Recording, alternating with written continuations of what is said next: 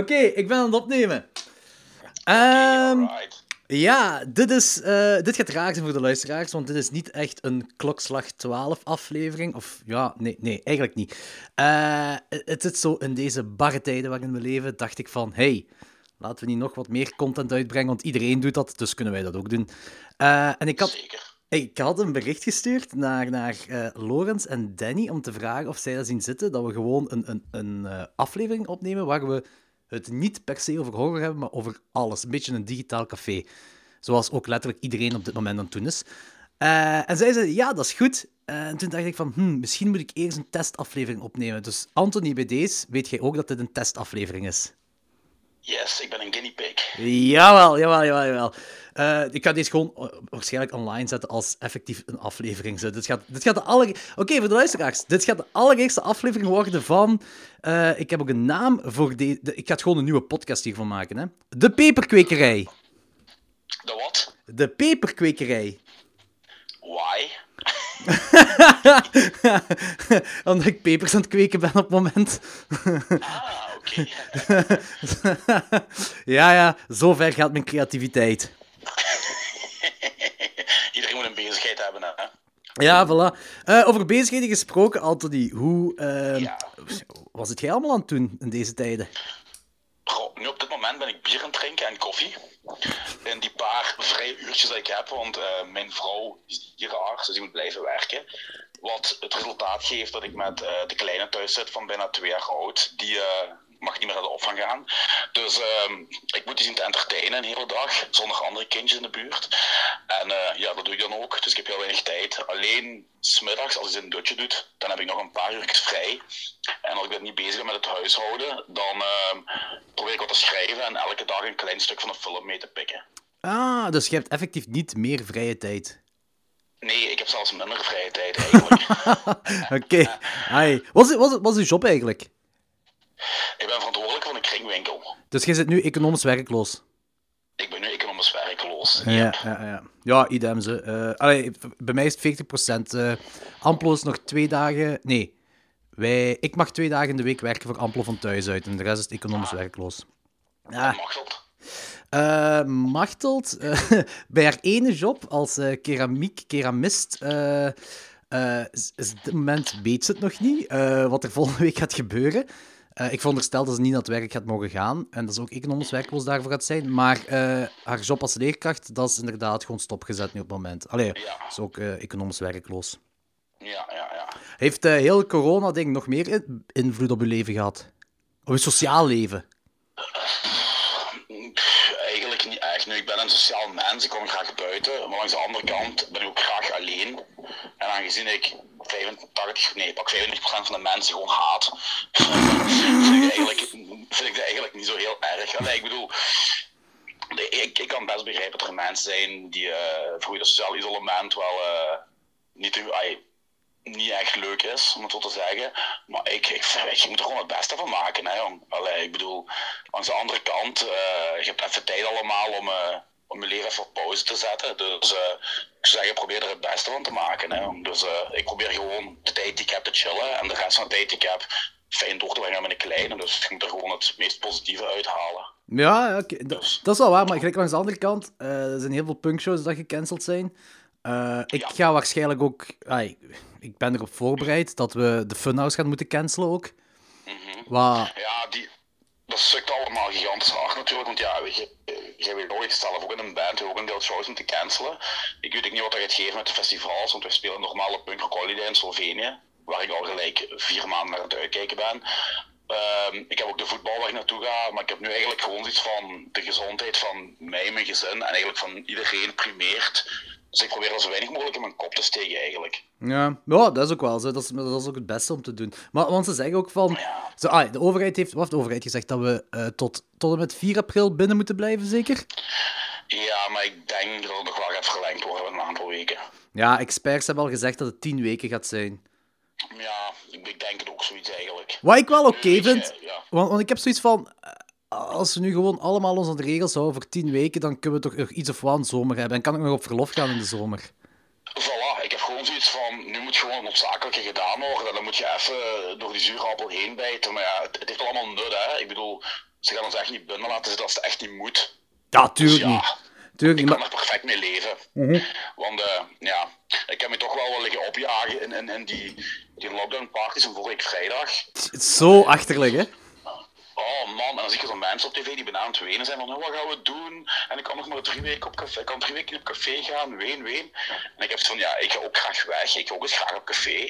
Maar ik bedoel, dat is het einde van de wereld niet, hè? Ik bedoel, als je echt niks anders in je leven hebt, dan op café te gaan en dat je je anders in je vrije tijd moet doen, ja, dat is wel een beetje zielig, vind ik. Er zijn ook wel wat mensen die niet beseffen in, in, eh, wat voor een wereld we nu op dit moment leven, of die willen het niet beseffen.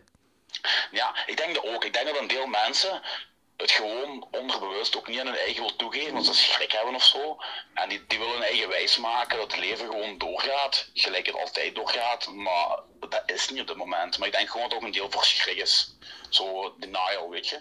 Ja, ja, nee, nee, dat snap ik zeker. En ik, ik denk ook dat inderdaad dat wel gaat zijn. Maar gelijk bijvoorbeeld, eh, ik, ja, ik moet sowieso twee keer naar buiten gaan eh, per dag eh, om met de hond te gaan wandelen. Ja, wat wat oké is, hè. Ehm, als je toch niemand aanraakt of zo. Maar langs ons is een van grootloon. En eh, de van grootloon vind ik sowieso al een, een, eh, moet ik zeggen, een heel raar gegeven. Eh, ze- ik weet niet of jij een grote fan bent van de van grootloon.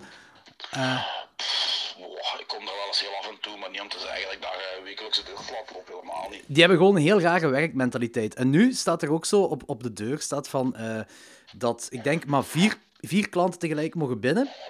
Meer niet. Eh, en eh, de, de, het personeel moet mondmaskers dragen. En, wacht, mondmaskers en handschoentjes moeten ze dragen. En wij komen er voorbij. Er staat in het groot erop dat dat moet. Wij komen er voorbij en het personeel. Niemand draagt handschoenen. Niemand. Ja, ik, ik, ik, ik snap dat niet. Dat is raar, hè? ik snap dat je in deze tijd, ik denk dat nu al het wel, eh, dat iedereen wel door heeft dat het wel echt serieuze shit is. En dat er nog altijd mensen zijn die, die geen clue hebben. Ja, ik, ik, ik snap dat niet. Ik shame people, hè. Ik ben eh, gisteren toen ik ben gaan wandelen met de hond, was ik vist op een gathering aan de nachtwinkel, maar allemaal auto's, mensen op de stoep geparkeerd en, en allemaal bij elkaar. En ik heb echt zo tegen een kerel gezegd van, dude, je mag één, hier niet staan, en twee, je beseft toch in deze tijd dat het echt niet oké is om zo dicht bij mensen te staan en dat je mensen aanraakt zonder, zonder handschoenen aan en zo. Jo, jo, jo, jo. Maar ik, ik ga gewoon even de winkel binnen. Niks meer, niks meer. Ik zei, ja, maar daar ligt nu net het probleem. Hij zo, ja, maar ik ben niet dom, hè. Ik zei, ja, meneer, maar ik denk toch van wel, eigenlijk.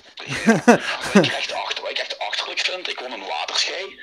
In de, en eh, ik bij de Stalenstraat. Ik weet niet of veel mensen de Stalenstraat kennen, maar je rookt dus echt. Iedereen Het kent het de Stalenstraat.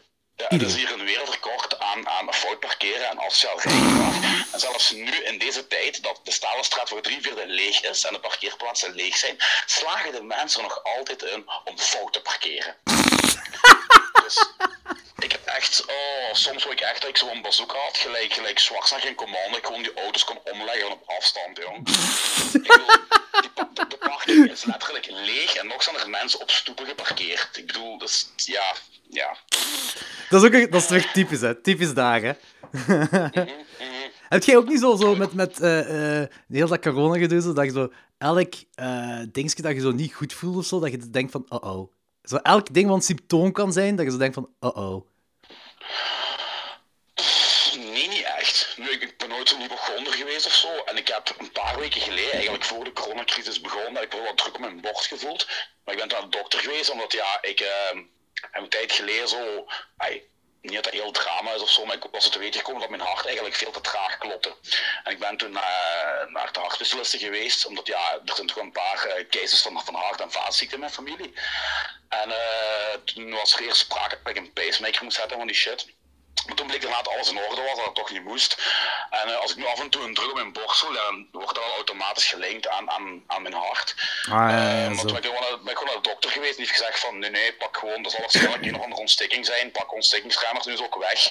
En eh, ja, ik heb wel eens heel af en toe een keelpijntje of, of zoiets, maar ik maak me er niet echt dru- druk om, want het is natuurlijk ook de tijd van het jaar dat mensen verkouden worden. Dat is het kloten, hè? Ik, ja, weet je, ik heb zoiets van, ik maak, me alleen, ik maak me alleen zorgen als de symptomen allemaal tegelijk komen. Als ik nu echt mijn rotse hoesten, koorts zal hebben en druk op mijn keel, ja, dan zou ik misschien denken van oei, ik moet misschien toch eens naar zo'n triagepunt gaan. Maar zolang dat allemaal niet is, nee jong. Ik zeg het, ik probeer er eigenlijk allee, zo weinig mogelijk aan te denken, is veel gezegd, want ja, je wordt daar continu mee geconfronteerd op het nieuws en social media en zo. Maar dat is wel goed, vind ik, dat je ermee geconfronteerd wordt, want zo blijf je op de hoogte van alles. Dat is een, ja, ja, dat is een bewustwording, maar ik probeer nu wel, ik heb me eigen voorgenomen om zo de hoofdpunten te weten. En al die andere zeik rond probeer ik zo'n beetje te... eh, allee, niet te ontkennen helemaal, niet maar zo minder op te letten, want weet je, dat brengt niet alleen het goede, maar ook het slechte in de mensen naar boven. En gezien, ja, ik al zei dat ik zoveel mensen haat, ik mijn eigen nog meer opjagen en debiliteiten. Dus eh, ja, ik probeer er gewoon op een chille manier mee om te gaan. Je kunt ook niet anders, hè. Als je Nee. geen keuze hebt of zo, dus eh, ja. Nee, ik weet het. zoiets van, voor de wereld aan zich, voor de natuur is het wel goed. hè. Ja, enorm. Enorm. Daar in Venetië zijn terug, eh, de, de, de kanalen zijn terug doorschijnend en er zijn En, en dolfijnen. fucking dolfijnen. Ja, want ik En, ben... en het fijnstof is, ik weet niet hoe hard gedaald in bepaalde landen en zo. Dus eh, eigenlijk zijn wij het virus. Ja, maar dat, is ook, dat is ook, als je erover nadenkt, dat is gewoon de natuur dat zich reageert op ons. Want het is ook de, uit de natuur geëvolueerd, hè, die, eh, die coronavirus. Yep. Is it's not man-made, dus ja, dit is hoe de natuur te werk gaat. Ja. Eh, ik, ik heb wel tot nu toe iedere symptoom gehad, buiten koorts, van het coronavirus. Maar dat is gewoon... Ik heb sowieso al... eh, ja, de dokter heeft ooit eens gezegd dat ik geen astma heb, maar wel een verdroging van mijn luchtpijp, wat dan lijkt op astmasymptomen of zoiets. Dus ik heb zo vaak... En ik heb ook een allergie voor huismeid. Dus ik heb al zo vaker dat ik zo kortademig ben. En... eh, Ehm, dat hoesten en, en verkouden, ik denk dat ik gewoon 365 dagen per jaar verkouden ben. Ja, dat denk je ook altijd. Eh, ja. ja, dus eh, ik, ik, ik heb zoiets van, ik ga me echt pas druk maken erover als ik koorts heb. Ik denk dat... Ja, ja, voilà, ik ook eigenlijk. Dat is bij mij het het voornaamste. De koorts. Ik denk, als je dat begint te krijgen, dan moet je zorgen maken. En voor de rest, ja, weet je. Ja, want het is ook zo, het kan ook zijn dat, dat we, het kan zijn dat we besmet zijn, hè, maar dat we gewoon niet eh, zoveel last ervan hebben. Dan heb ik zoiets van, sure, laat me dan gewoon besmet zijn en laat het uitwerken dan, hè, dan geen probleem. Ja, ja, dat is ook. Dat is ook. Dat is ook. Ik, vond wel, eh, ik denk wel dat in deze, tijd, in deze tijden van de, de, de, de isolation, eh, eh, dat er veel coronababies gaan komen binnen een paar maanden. Ik denk het ook. Of scheidingen. Gaan op mensen gaan op elkaar slip moeten zitten. Dat ik zag zo'n hele goede meme voorbij komen van Isolation, what can go wrong? En dan zo die, die, die foto van ehm, Jack van The Shining, die met zijn gezin in de auto zit. Dat was Ja, ja. dat is een waar. Ik hoop ook zo, als er, veel, als er echt een boom is van baby's binnen een paar maanden, dat echt, dat, dat de nieuwe generatie is en dat ze zo'n coronanaam krijgen. Like wij millennials en boomers en zo noemen, dat ze zo'n coronanaam krijgen. Zo krap vinden. En Pornhub heeft laten weten... Wat, Ja? Ja, eh hoort je mij nog? Ja, nu terug. Eh, Pornhub heeft laten weten dat ze nu op een piek zijn van kijkers. Tja, dat was te verwachten, hè. Ja, vind ik ook wel grappig. Eh, ik, eh, ik, eh, ik ga hier wel werk van maken nu om eindelijk eens doorheen uw boek volledig te gaan. Relatief ongeschonden. Ah, dat is plezant. Want ik heb, ik heb twee pagina's tot nu toe maar gelezen. Ik weet het, shame, shame. Eh, wat ik wil vragen is van... wacht, dat is zo onderverdeeld. Dus je hebt zo één en ik moet dan twee beginnen. Eh, Ja. Zo begint het toch bij u, hè? Dacht ik toch één en dan Ja. twee. En in één, als ik me goed herinner, gaat het over... eh, eh, het begint met iemand dat zo brood in het water gooit. De eentjes voedert.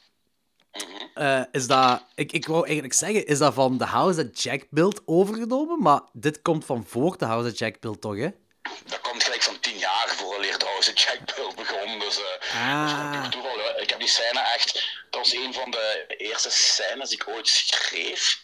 Ehm, ik, ik heb eigenlijk 20% van het boek heb ik bah, 10, 15 jaar geleden geschreven. En zo een paar losse stukjes. Nu, en die overige 80% heb ik de laatste twee jaar geschreven. Maar die, die openingsscène heb ik ja, 10 of 15 jaar geleden geschreven. Dat is puur toeval, eigenlijk. Ah, oké, omdat The House of Jack Built ook een favoriete film van u is, daarmee dat ik het dacht. Oh ja, ja, ja. ja. Dat is wel een goed toeval. Ja. Ja, Dat is echt wel een mooi toeval, ja. ja. die, eh, jij, jij hebt in uw boek, heb jij ook zo, toen, toen bij de release had je de stickers van Don't Be a Dick erbij gegeven. Maar Ja. ik heb dat voor het boek ook al vaker zien verschijnen. Van waar, van waar komt dit? Als ik, ja, als ik af en toe een rare pauze neem, als ik aan het roken ben. Dus dan weet je dat niet dat ik hier ergens een lichtje bij horen of zo. Dus, eh, Ah, jammer, jammer. Nee, ehm, dat kwam van ehm, Ludo. Dat was een, uh, een, een, vrij bekende kerel in de hardcore scene. Die was rond uh, 45 jaar. die was eigenlijk internationaal bekend. In die zin van, ja, je had overal vrienden over heel de wereld de hardcore scene. was ook goede maatjes met onder andere die mannen van Sick of All, als ik vond. was een Belg. En een brandweerman ook, of een vrijwilliger bij de brandweer. En ehm, ja, die had dan heel veel connecties. En uh, die zorgde eigenlijk voor de bands als die kwamen, dat ze zich eigenlijk welkom voelden. Zich ermee bier drinken, speciale bieren en zo. En uh, ja, die was dan vrij gekend. En dat was een hele goede gast. Echt een goud eerlijke gast. En uh, die heeft een, ja, die had wel wat gezondheidsproblemen, maar die was er uiteindelijk doorgeraakt, dus die was genezen. Ja. Maar uh, dan heeft hij een, een, half jaar later heeft hij een, een hartstilstand of een hartaderbreuk gehad en is hij gestorven. En net voor zijn dood had hij stickers geprint met Don't be a dick. Oh om shit. Gewoon tegen de mensen, om gewoon tegen de mensen te zeggen van, mensen, chill allemaal, wees gewoon, ja, wees geen lul. En um, ja, die had echt, ik denk, een paar weken voor zijn dood was, dat hij de eerste badger stickers gedrukt had. En toen hebben vrienden van hem eigenlijk daar een, een punt van gemaakt om zijn boodschap te blijven verspreiden na zijn dood. En uh, door heel de hardcore community zijn eigenlijk die stickers over heel de wereld nu verdeeld geraakt en opgeplekt. En dan krijg je zo foto's te zien van tot in Nieuw-Zeeland, Singapore, fucking IJsland, dat er overal stickers hangen met Don't be a dick. Oké, okay, dat is wel heel cool. Dat is wel heel gaaf. Zalig. Ik heb ook getatoeëerd, dus uh, ja, dat is heel cool. Ja, ja, dat is beestig. Uh, voor de luisteraar, ik weet ook niet wie hier naar gaat luisteren, want dit gaat niet per se voor film, dit is echt gewoon letterlijk gezever tussen ons twee. Ik weet ook niet wat zieliger is, wij die zever of de mensen die aan het luisteren zijn. Uh, maar uh, we, weten niet waar, we weten niet waar deze podcast naartoe gaat gaan. We weten ook niet hoe lang deze gaat duren. Dit kan echt iets van... Ah, we zijn nu, denk ik, bijna 20 minuten bezig. dit kan... Ja, dat kan, dat, kan, dat kan nog een uur worden, dat kan, dat kan 40 minuten worden, whatever. Al, het gaat over van alles en niks gaan. Uh, maar ik had wel gezien in de week, uh, op, als ik nu naar je Facebook kijk, op 19 maart zelfs, eergisteren dus, had jij Antonies luchtige filmtips om de barre tijden wat kleur te geven. Ja. dus, dus jij, Anthony, hebt uh, voor iedereen, dus ook voor onze luisteraars, wie onze nieuwe luisteraars ook gaan zijn, maakt niet uit, wat filmtips voor hun. Uh, het is wel een leuk lijstje, zeker ook heel luchtig. Uh, uh, maar we gaan er misschien iets van beschrijving mee moeten geven of zo. Als we beginnen met uw lijstje, we beginnen met de eerste film dat jij hebt opgesomd, Anthony. En die ja. film is Eden Lake. Ja. Vertel maar. Nu, um, ik heb eigenlijk, ja, de meesten zullen wel doorhebben dat die films niet bepaald luchtig zijn. Maar ik heb hem ook... Het was sarcasme! Het was sarcasme. Ja, het was sarcasme. Ik hoor er Antichrist ook tussen. Zeker maar uit Antichrist, uit titel, kun je wel afleiden dat hij niet luchtig is. Terwijl de andere films die ertussen staan, daar kun je, als je ze niet kent, niet echt van weten. Maar is de, de, de jaren 70 uh, Italiaanse Exorcist rip-off film, de, de Antichrist, wel luchtig? Um, ja, ja en nee. Dat is gewoon echt een Exorcist rip-off. En de Exorcist is misschien niet echt luchtig, maar het is ook geen uh, hele blieke, nihilistische film. Ja, dat is waar. Dat is waar. Antichrist dat wel is. Ja. Dus ja, maar ieder Lake, dat is... Uh, ja, een fantastische film, hè. Dat gaat over uh, een koppel, dat gaat, geloof ik, ik heb hem al lang niet meer, al lang niet meer gezien, dat gaat kamperen. Michael Fassbender? Michael Fassbender, juist. En die worden eigenlijk geterroriseerd door uh, een bende snotjung. En die snotjung zijn echt zo fucking onuitstaanbaar. Dat is echt, ik bedoel, ja, ik denk dat iedereen gewoon die kinderen kapot wilt maken. Oh ja, dat is... Uh, echt kapot wilt maken. Top, top drie uh, anticonceptiefilms. Yep. En uh, ja, om niet, niet, ik wil niet echt in de spoilers gaan of zo. Nee, nee, nee, dat gaan we niet doen. Super naar geestig. En dat vond ik echt fantastisch aan die film, ja. Ja, uh, dat, dat, einde, dat einde geeft je echt een klets gezicht. Dat, dat wil ik ook zeggen, dat einde geeft je inderdaad een klets je gezicht. Dat is een topfilm. Uh, absoluut niet zo luchtig, gelijk uh, Anthony het beschrijft, maar het, is, het is een zotte film. De tweede film. Yep. Seul contre tout. Ja, dat is Gaspar Noé. Dat is een van, van Irreversibele, onder andere Enter the Void en... en, en, en Climax. Ja, Climax. Uh, ja, dat is ook een, ja, een hele zware, nihilistische film. Over een, uh, een slager. En uh, ja, het is geen horrorfilm. Je zou denken, het gaat over een slager, het is een horrorfilm. Nee. Maar ja, die film is gewoon, is, die ademt gewoon pure uitzichtloosheid uit, jong. En het feit dat Kickback, daar, de band, dat daar samples uit gebruikt heeft en eigenlijk zijn CD van Oosterrender daar als, als hoes heeft dat is inspiratie voor de hoes heeft gediend. Ah, dat je inderdaad eens verteld, ja. Ja. Just, just, just. Oké, oké, oké. En waar gaat het juist over? Ja, ik kan er niet veel zeggen, of, of om niet into spoilers te gaan. Over een, ja, een, een, een slager en uh, ja, die komt in een, een uitzichtloze situatie terecht. Oké, okay, uh, dus ja, een, sla een, Gasper Noé film met een, uh, over een slager en de rest is spoiler. Ja, ja. Oké. Okay. Het, volgende, het volgende, en daar geef ik u groot gelijk in dat iedereen deze film gezien moet hebben, en dat is Mother. Yes. We hebben het daar voor... Moest, moesten we uh, luisteraars hebben van Klokzicht 12. Ik denk dat we ook alleen maar luisteraars van Klokzicht 12 gaan hebben voor dit. we, hebben het daar heel veel over gehad uh, in Klokzicht 12. En uh, we hebben daar zelfs een aflevering over gedaan bij Klokzicht. Mother is echt zo. Dat is Aronofsky goud. Ja, ik vind eigenlijk Aronofsky zijn beste. Ja, Requiem for a Dream misschien. Ja, maar Requiem for a Dream, de, de boodschap in Requiem for a Dream ligt iets meer voor de hand. is dat daarom slechter? Nee, ik, ik, oh, ik zeg niet dat het slechter is. Ik zeg gewoon dat ik Mother beter vind. Maar ik vind Requiem for a Dream ook een hele goede film. Ja, ja, ja. Uh, ja, mijn, mijn, ja ik vind, Requiem for a Dream vind ik een topfilm. Mother vind ik top. En Black Swan. Black Swan is... Ja. het gaat niet meer... Mother vind ik wel beter dan Black Swan. Dat wel, denk ik. Maar... Goh, dude maakt gewoon heel goede films. Ik, ik vind de, de, de, de, de mix tussen de, de thematiek en de beelden in Mother ja, vind ik echt bijna ongeëvenaard, jongen. Wat hij daar doet qua, qua symboliek, qua thematiek. Hoe hij dat verwerkt in dat verhaal. Uh, ja, dat is gewoon fantastisch, jong. Ik voelde me ook effectief fysiek slecht na die film. Ja, en dat is hetgeen wat die film... Dat Danny die ook haat. Ja. dat is waar, dat is waar. Uh, maar ik vind, ik vind dat die film gewoon slaagt in, in alles wat hem kan doen en wat hem kan, uh, wat hem kan laten voelen. Ja, plus je, je kunt film vijf keer zien en je blijft gewoon nieuwe dingen ontdekken in die film. Uh, ja, dat is waar. Er is ook trouwens... Wat, oh, sorry, zeg maar. Ja, nee, zeg maar.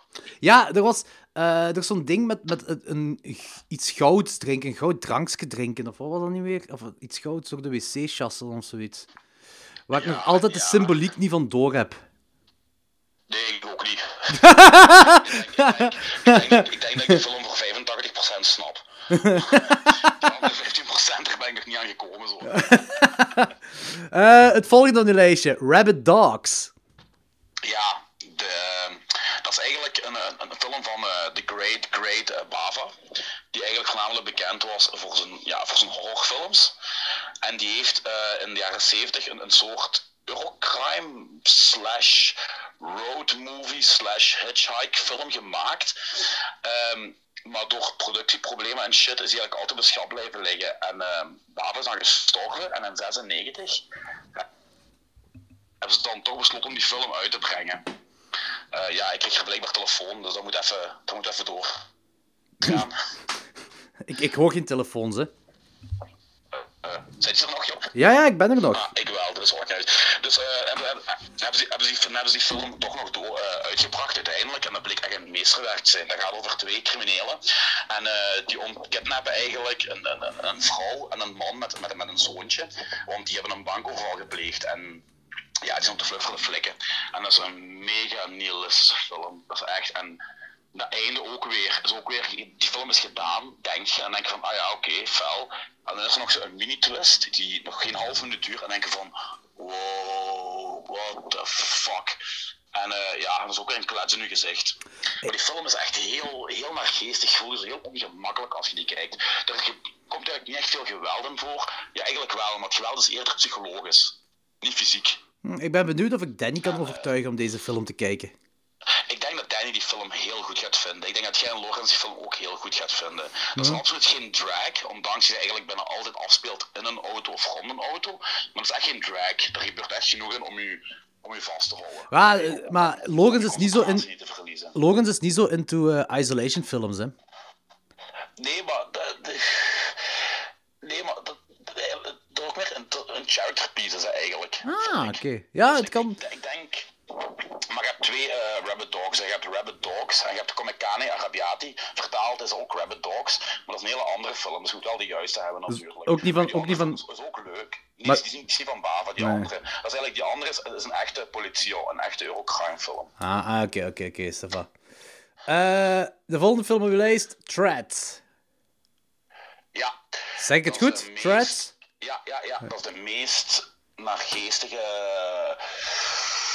Ah, hoe moet ik dat uitleggen? Dat is geen echt post-apocalyptische film, maar dat gaat over eh, dat ja, er is een nucleaire bom gevallen. Een beetje gelijk, gelijk die oude film The Day After, die ooit op tv geweest is, zo'n tv-film van de jaren 70 of 80. En het gaat over hoe mensen reageren als de bom gevallen is, de overlevenden, wat die doen en hoe die het doen. Eigenlijk is dat, perf- eh, is dat een, een, een, een honderd keer zwaardere versie van hoe de eikels nu reageren met de hamsteren en de appetanten en zo. Oh shit. Ja, maar dat is echt, het is een van de meest depressieve films ooit gemaakt.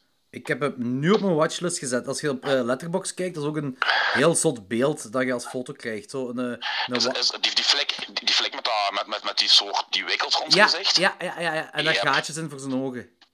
Yep. Dat Ik geloof zelfs dat het een, ik, ik geloof zelfs dat het een Britse film is, als, ik, als mijn geheugen mij niet in de steek laat. Oh, maar iedereen geeft die ook zo eh, hoge scores. Dat is wel zot. Ja, dat is ook een hele goede film, maar die is... Ja, eigenlijk is dat niet zo'n goed idee om die nu te kijken als je je niet zo goed voelt. Zeker met de toestanden die nu in de wereld omgaan. Ah, he- heb jij, heb Wow. jij de, de laatste Klokslag 12 aflevering al gehoord? Eh, die ook... nee, die met, met eh, Contracted. Ja. Eh, daar Nee, daar heeft, heeft Logans het ook over eh, een Steve Soderbergh film, Contagion. Eh, en dat is dat schijnt Ah, die gewoon, heb ik ook gezien. dat is schijnt gewoon het coronavirus, de film.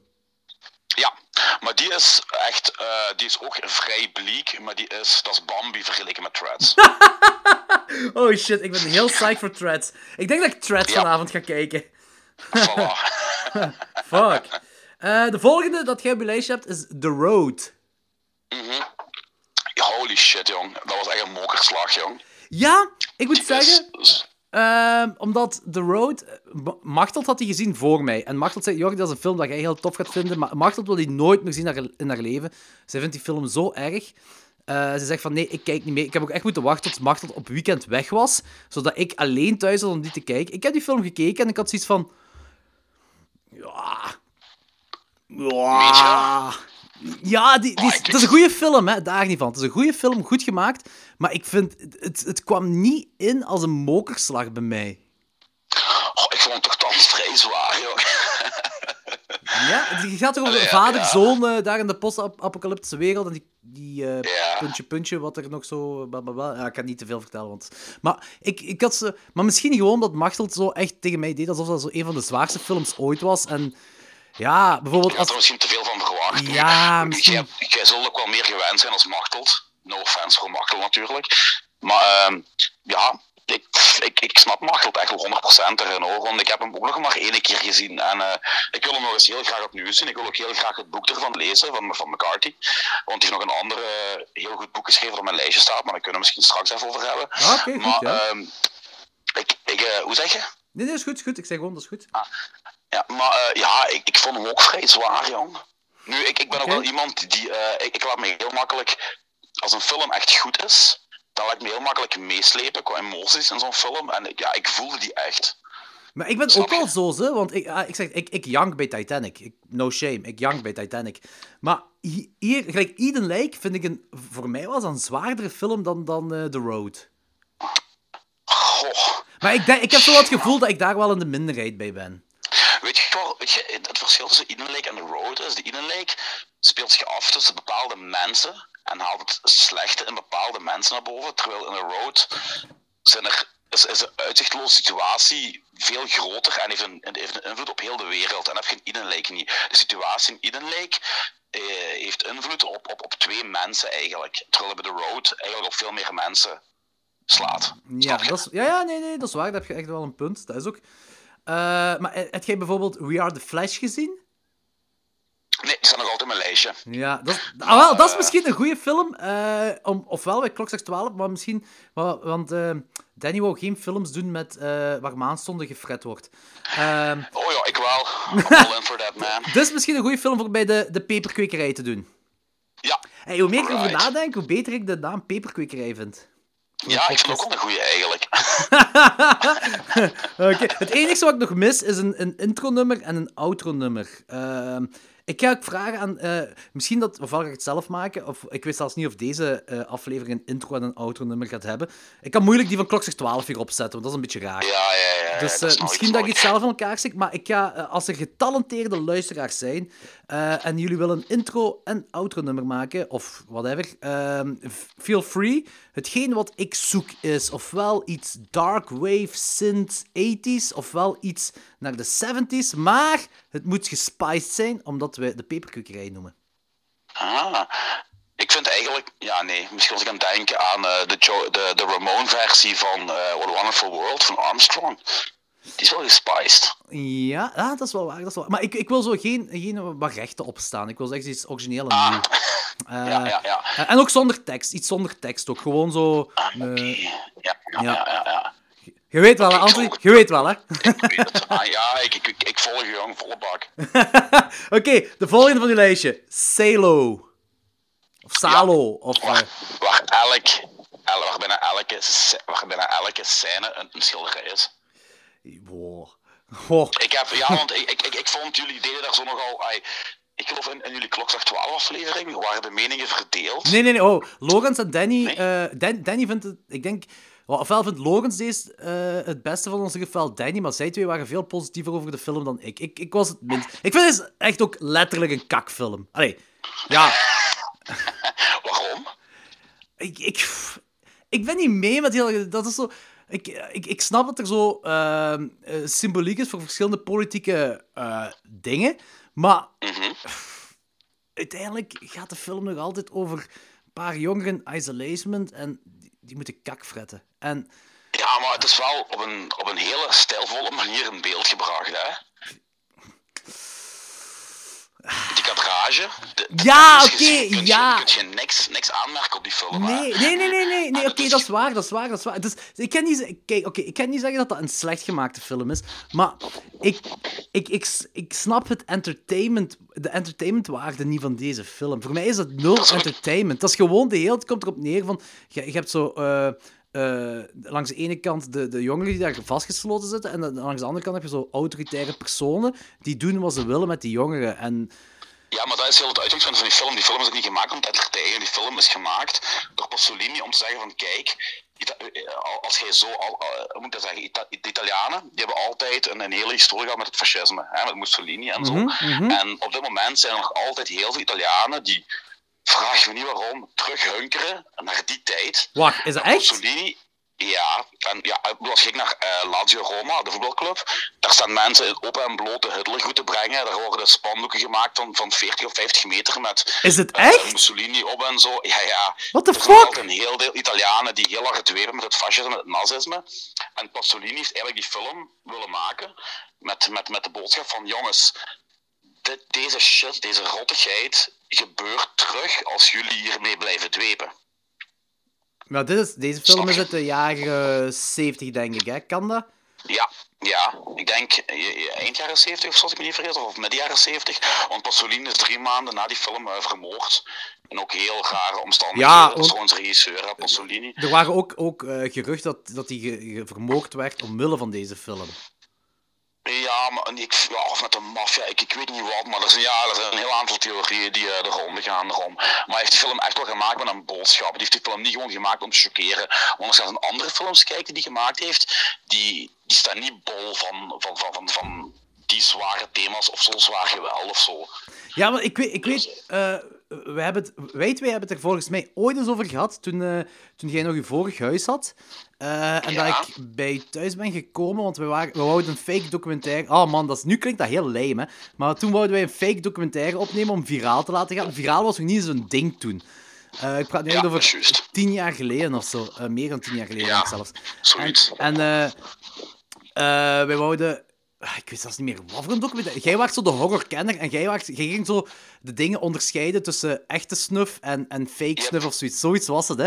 Waar we het Juist, ja. ja, en ik weet dat we het toen eh, erover hadden, over Celo. Eh, want wij hebben, wij hebben eh, in mijn studententijd hebben we heel rare filmavonden en filmmarathons gehad. En Celo was er een van, in een van die filmmarathons dat we pas gehad hebben. En ik, ik vond er dus niks aan, want ik had zoiets van, ja, het gaat over mensen eten kak. En oké, ça va. Maar eh, we hebben het toen erover gehad dat we zeggen van, ja, maar het boek gaat er wel eh, verder in die maatschappelijke kritiek.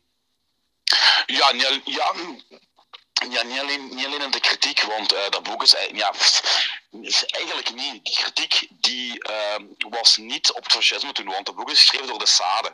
Ah. Dus, ja, het, boek is wel nog veel feller. In, in, bepaalde, bepaalde scènes. Er gebeurt nog veel meer gortigheid in het boek. Maar Saal heeft dat boek eigenlijk als, uh, Saal eigenlijk Pasolini heeft dat boek als uitgangspunt gebruikt. Ik denk dat ik het toen verkeerd begrepen heb, want het boek zelf is niet een aanklacht op het fascisme, want... Heb ik het verkeerd begrepen? Dat kan wel, dat kan wel. Dat is ook heel lang geleden. dat, is dat, is, het geen, heel lang geleden. Dat is hetgeen wat ik onthouden heb, en dan heb ik het gewoon verkeerd onthouden. Dat kan ook.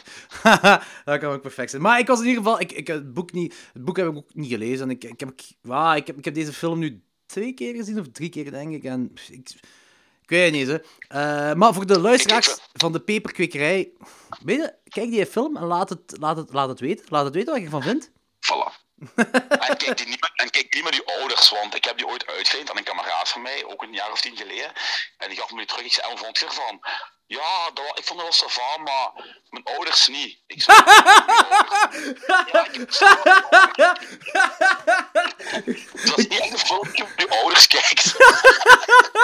dat lijkt me heel awkward. Ja, dat lijkt me inderdaad heel awkward. ja. Uh, de laatste film van deze lijstje is Martiers. Yes, dat is nog altijd één van de beste horrorfilms ooit gemaakt. O, ook, ook de top van uh, uh, het Frans extremisme niveau wat in de jaren 2000 is gevloeid in de filmwereld. Yep. en dat is zo raar, top. want die film die, die, die begint en na een half uur heb je zoiets van, oké, okay, die is gedaan. Hoe kan dat nu? En dan begint die pas. Ja? Ja, ja, ja, ja, ja dat is waar. Ja, ja, nee, ik weet perfect wat ik wil zeggen. Ja, dat is ook zo, dat is ook zo. En want, en, en, en oké, voor veel mensen komt weer uh, het, het, het, het, beeldgebruik als vrij chockerend over. Uh, maar voor mij niet. Voor mij kwam eigenlijk de boodschap als het meest chockerende over. Maar ook, het, is, het, is, ook wel functioneel chockerend. Ja, ja, ja, daarmee. Het is allemaal functioneel. En uh, ja, die is gewoon zo goed gemaakt op, op, op alle vlakken. Dat is gewoon echt een van de topfilms ooit. Want ik heb nog altijd niet naar de remake gekeken. En ik ga het ook nooit doen. Want dat is zo'n film. Uh, ik heb ik heb mijn mening over remakes ondertussen herzien en ik kan wel... Oh, dat is goed, dat is mooi. Ik, ik, heb, ik heb vrede met het idee dat, dat sommige remakes echt wel goed kunnen zijn, maar er zijn bepaalde films, vind ik, waar je geen remake van hoeft te maken, waar het niet voor nodig is. En bij Martyrs is dat zo. Ah, wel, ik, ik ga daar even op terugkomen, want uh, ik was... Ik, ik, ik heb eigenlijk... Mijn principe rond remakes was eigenlijk altijd alles ter wereld mag geremaked worden en kan geremaked worden. Niks is heilig. Want uh, als een remake kut is, kijk je gewoon terug het origineel. Wat eigenlijk nog altijd wel klopt. Maar, er is een klein maartje bij. Uh, ik snap de uitgangspunt van als er uh, de aankondiging is van een remake, dat uh, de, het idee onmiddellijk bij verschillende mensen is van, oh, moet dat? En dat heb ik nu voor de eerste keer echt meegemaakt toen ik heb gehoord dat Disney Plus Back to the Future wil remaken. Oh, ja, en omdat Back to ik denk dat Back to the Future de film is dat ik het meest heb gezien in mijn leven. Of ja, die hele trilogie mhm. dan. Daar zit zo'n grote nostal nostalgische waarden in. En dat, dat wil ik zeggen. Bijvoorbeeld, als ze nu zeggen zo, ja, een Cannibal Holocaust, dat dat ook geremaked wordt, dan heb ik zoiets van, ah, probeer het, probeer het en we zien wel. Maar bij Back to the Future kan ik me daar gewoon niet in bedenken dat zo Ah, ik, ik, ik vind dat een heel raar... Dat is een heel raar gegeven om over na te denken dat er, een, dat er misschien een remake gaat komen van Back to the Future. Dus dan denk ik zo van, misschien zijn er toch films dat heilig zijn. Gelijk bijvoorbeeld een Jaws. Een Jaws, ik, ik, kan me, ik kan me inbeelden dat voor een nieuwe generatie dat Jaws niks meer voorstelt. Dat kan ik perfect nee, inbeelden. Maar ik kan me ook niet inbeelden dat een remake van Jaws beter gaat worden. Nee, ik heb dat met de Goonies, want die willen ze ook gaan remaken. Ja, wil dat is ook zo'n een, ah, dat is raar. een classic waar je eigenlijk niet aankomt. Want ze gaan die vol CGI steken en ze gaan die honderd keer spectaculairder willen maken. Omdat de kinderen van nu en de tieners van nu niet meer gewend zijn aan, aan quote, quote, trage dingen van doen. Terwijl die film helemaal niet traag was. Maar voor de mensen van nu waarschijnlijk wel. En ja, ik zou het ook zo erg vinden als ze daar zoiets Michael Bay-achtigs van gaat maken. Oh, dat wil ik niet. Nee. Uh, maar ik, ik vind... Ik, ik, ik ik ook, maar ook wel bij Back to the Future hebben we ook zoiets van: oké, la- laat Disney Plus maar doen. Eh, dan, in mijn, Ja. mijn hoofd is dat onmiddellijk ook een kinderfilm dan, eh, Ja. die remake. Nu, maar heb je dat ook niet? Ik, ik heb er zo gelijk van de remakes die de laatste pak 20 jaar gemaakt zijn. Ja. Stukken de meeste, gigantisch hard. Ik, heb er zo, ik kan er twee voor de geest halen die gelukt zijn. Dat zijn The Hills Eyes van Aja en ehm, Evil Dead. Maar in de jaren 80 en de jaren 70 zijn er remakes gemaakt die wel goed waren. Die er Ja. wel stonden, gelijk The Blob, The Scarface, eh, The Fly. Eh, dat waren wel goed ges- Maar goed- pas op, goed ik vind, de, de, de Texas Chainsaw Massacre remake vind ik ook goed, hè. Het is niet, het is, het ik vind het leuk dat ze het anders hebben aangepakt. Als in de originele Ja. Texas Chainsaw Massacre, dat is... eh, de gedachtegang is van, fuck, dat is een eh, vrij gory film, maar die is niet gory. Dat, dat laat u doen denken dat die gory is. Maar dat, dat, die uitgangspunt kun je niet nemen bij een remake. Dus wat hebben ze dat gedaan bij de remakes? Ze hebben die gory gemaakt. En ze hebben dan de sheriff, eh, die het dude van Full Metal Jacket, hebben ze dan eigenlijk het hoofdpersonage laten spelen. En ze hebben dat hier en daar wat verdraaid. En dat werkt voor mij. Ik vind dat een coole horrorfilm. Ehm, Dat wel, dat wel. eh, de Maniac remake vind ik ook, ik vind dat ook een heel goed uitgangspunt. Ai, goh, goed uitgangspunt. Ik vind, ik vind ze, ze hebben het. ehm goh, eh, het is fel, het is sleazy. eh, met momenten, maar ze hebben daar ook classy elementen in willen stoppen. En ze hebben zo een, een, een arthouse laagje erover Ja. gedaan. Zo, het is niet maar super ik heb arthouse, maar. Maar het hangt ook wel vanaf wie zich Ja, ja, ja, eh, er- bezighoudt met die projecten. Gelijk in Elijah Wood, die heeft nu wel al bewezen ondertussen dat hij qua horror echt wel de juiste, de juiste vibe en de juiste feeling heeft met het genre. Ja, dat is Dus, waar. eh, ik, dat heb is waar. Maniac, ik heb Maniac nog niet gezien. Niet omdat ik hem niet wil zien, maar omdat ik er nog niet aan gekomen ben. Omdat er nog altijd zoveel andere duizenden films bij zo'n spreken op mijn lijstje staan. Maar ik heb wel alle vertrouwen in Elijah Wood, want die heeft nog eh, met zijn productiehuis, hij heeft, die heeft Mandy onder andere uitgebracht. Ja, jong. Klopt, hè? Man is geniaal. Eh, en, en, en, en de Colorado Space ook. Ook geniaal. Dus eh, ja, nee, het is. bedoel, er is een verschil tussen als u zegt, als Elijah Wood zegt van ik kan een remake doen, of, of, of Michael Bay zegt ik kan een remake doen. Dan Ja, weet ik al ja, oké, dat is waar. ik een kus moet geven en welke van twee ik moet onthoofden. Ja, dat is waar, dat is waar. Maar bijvoorbeeld gelijk als Spit on Your Grave, ik vind die originele... Jij vindt die helemaal niks, denk ik, de originele, hè? Nope, ik Nee. vond die echt niet goed. Nee, ik vind het oké, maar, maar mij is hetgeen wat mij erdoor drijft, is zo dat, dat, dat 70s sfeer, omdat ik dat 70s sfeer heel leuk vind. En dat is zo een meerwaarde voor mij. Maar die remake, zolang ik de remake heb gezien, eh, maar die remake, in mijn hoofd is de remake beter dan het origineel. Eh, en die, die is Ah, ook de ik heb de remake nooit gezien. die is, die, ehm, die is ook feller, als ik me goed herinner. Die is ook feller eh, en zotter. En als we even verder gaan, Rabbit. We hebben nu pas Rabbit, de Cronenberg-versie, ehm, eh, gereviewd bij Klokslag 12. Ik vind dat een topfilm. Ah, Ook... Wat, sorry? Dat is een remake, die nieuwe. De nieuwe eh, van de Soska Sisters, dat is een remake, ja? Ja. Ah, ik dacht dat gewoon een film was die toevallig dezelfde titel had. Nee, dat is een remake. Ik heb door- nog niet gezien. Dat is ook de Soska Sisters, eh, die ook American Mary hebben gemaakt. American Mary vind ik ook een topfilm. En eh, ik, ik vind die Rabbit van hun vind ik ook vrij goed. Die is zelfs, die is zelfs meer body horror, veel meer body horror dan de jaren 70 eh Cronenberg-versie. Ah, cool. Moet ik eens uitchecken dan. En geen, zover ik me kan herinneren, geen CGI. Echt alleen maar practical effects. Daar heb ik altijd een streepje voor me bij, Ja, maar het is, het is, als je dat doet. Ik denk, er zijn vrij goede remakes, maar dat is zo... eh, weet je, begin jaren 2000 was het vooral neerkijken op remakes. En ik... Ja, misschien is dat gewoon om, om de, eh, het loszetten van de nostalgie of zo, of van, van je favoriete film dat geremaked wordt. Dus ik snap het ergens wel. Maar bijvoorbeeld Friday the 13th, die remake, die is beter dan veel Friday the 13th eh, films in de originele franchise.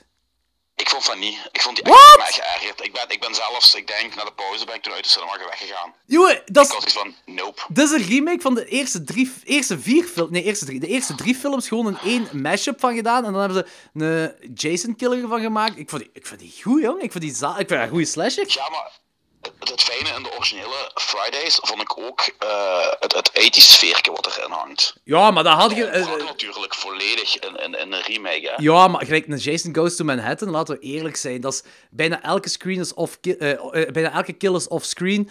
Dat- Ja, drie, maar vier is dat is- dat is- dat gaat toch- gaat toch een zeker sfeerke in, vond ik.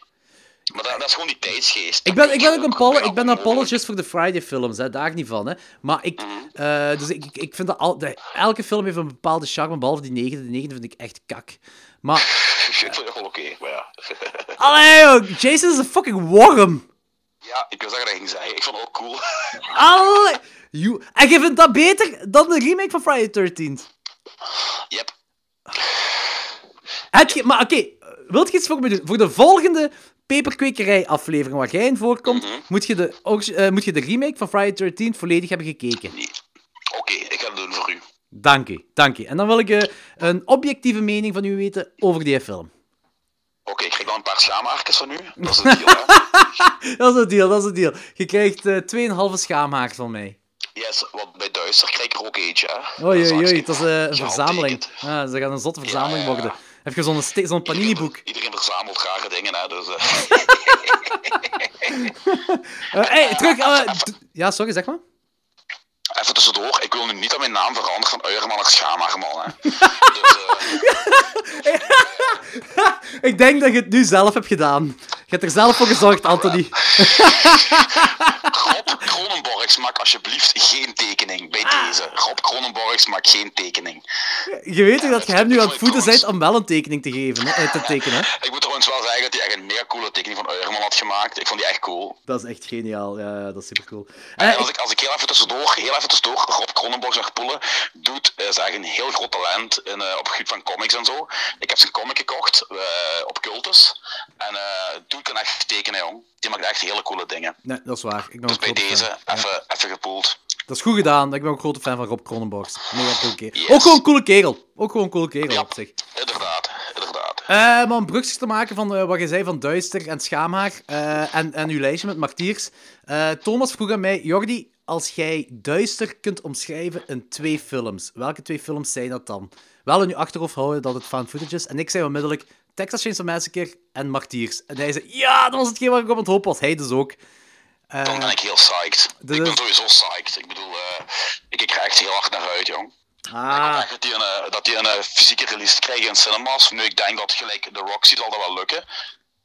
ja, we gaan, we gaan, weet je, we gaan, screenings gaan we kunnen houden. Ik denk zoveel we willen. Ehm Als je, eh, wacht jij dan, als, ik als, als Yummy, ja, ik denk dat ik dat was, als Yummy in de zalen kan gedraaid worden, met alle respect voor Yummy, dan kan eh, Duister zeker in de zalen komen. Hè. Ja, Dus maar- Ik hoop het echt voor jullie. Yummy heeft effectief een productiehuis erachter zitten, wij niet. Wij, wij, bij ons is het echt allemaal op onszelf dat we doen. En eh, we, zijn, we, zijn, Ja, we zijn in gesprekken met, met Kinepolis en met, maar ook met Telenet en Proximus. Dus het is allemaal een beetje... Er zijn kansen, maar het is allemaal een beetje wazig op het moment. Maar ook zo, zeker nu, alles is nu stilgevallen door corona. Hè. ja, ja, inderdaad, dat is kut, hè. Eh, Alles gaat uitgesteld worden. Wat, sorry?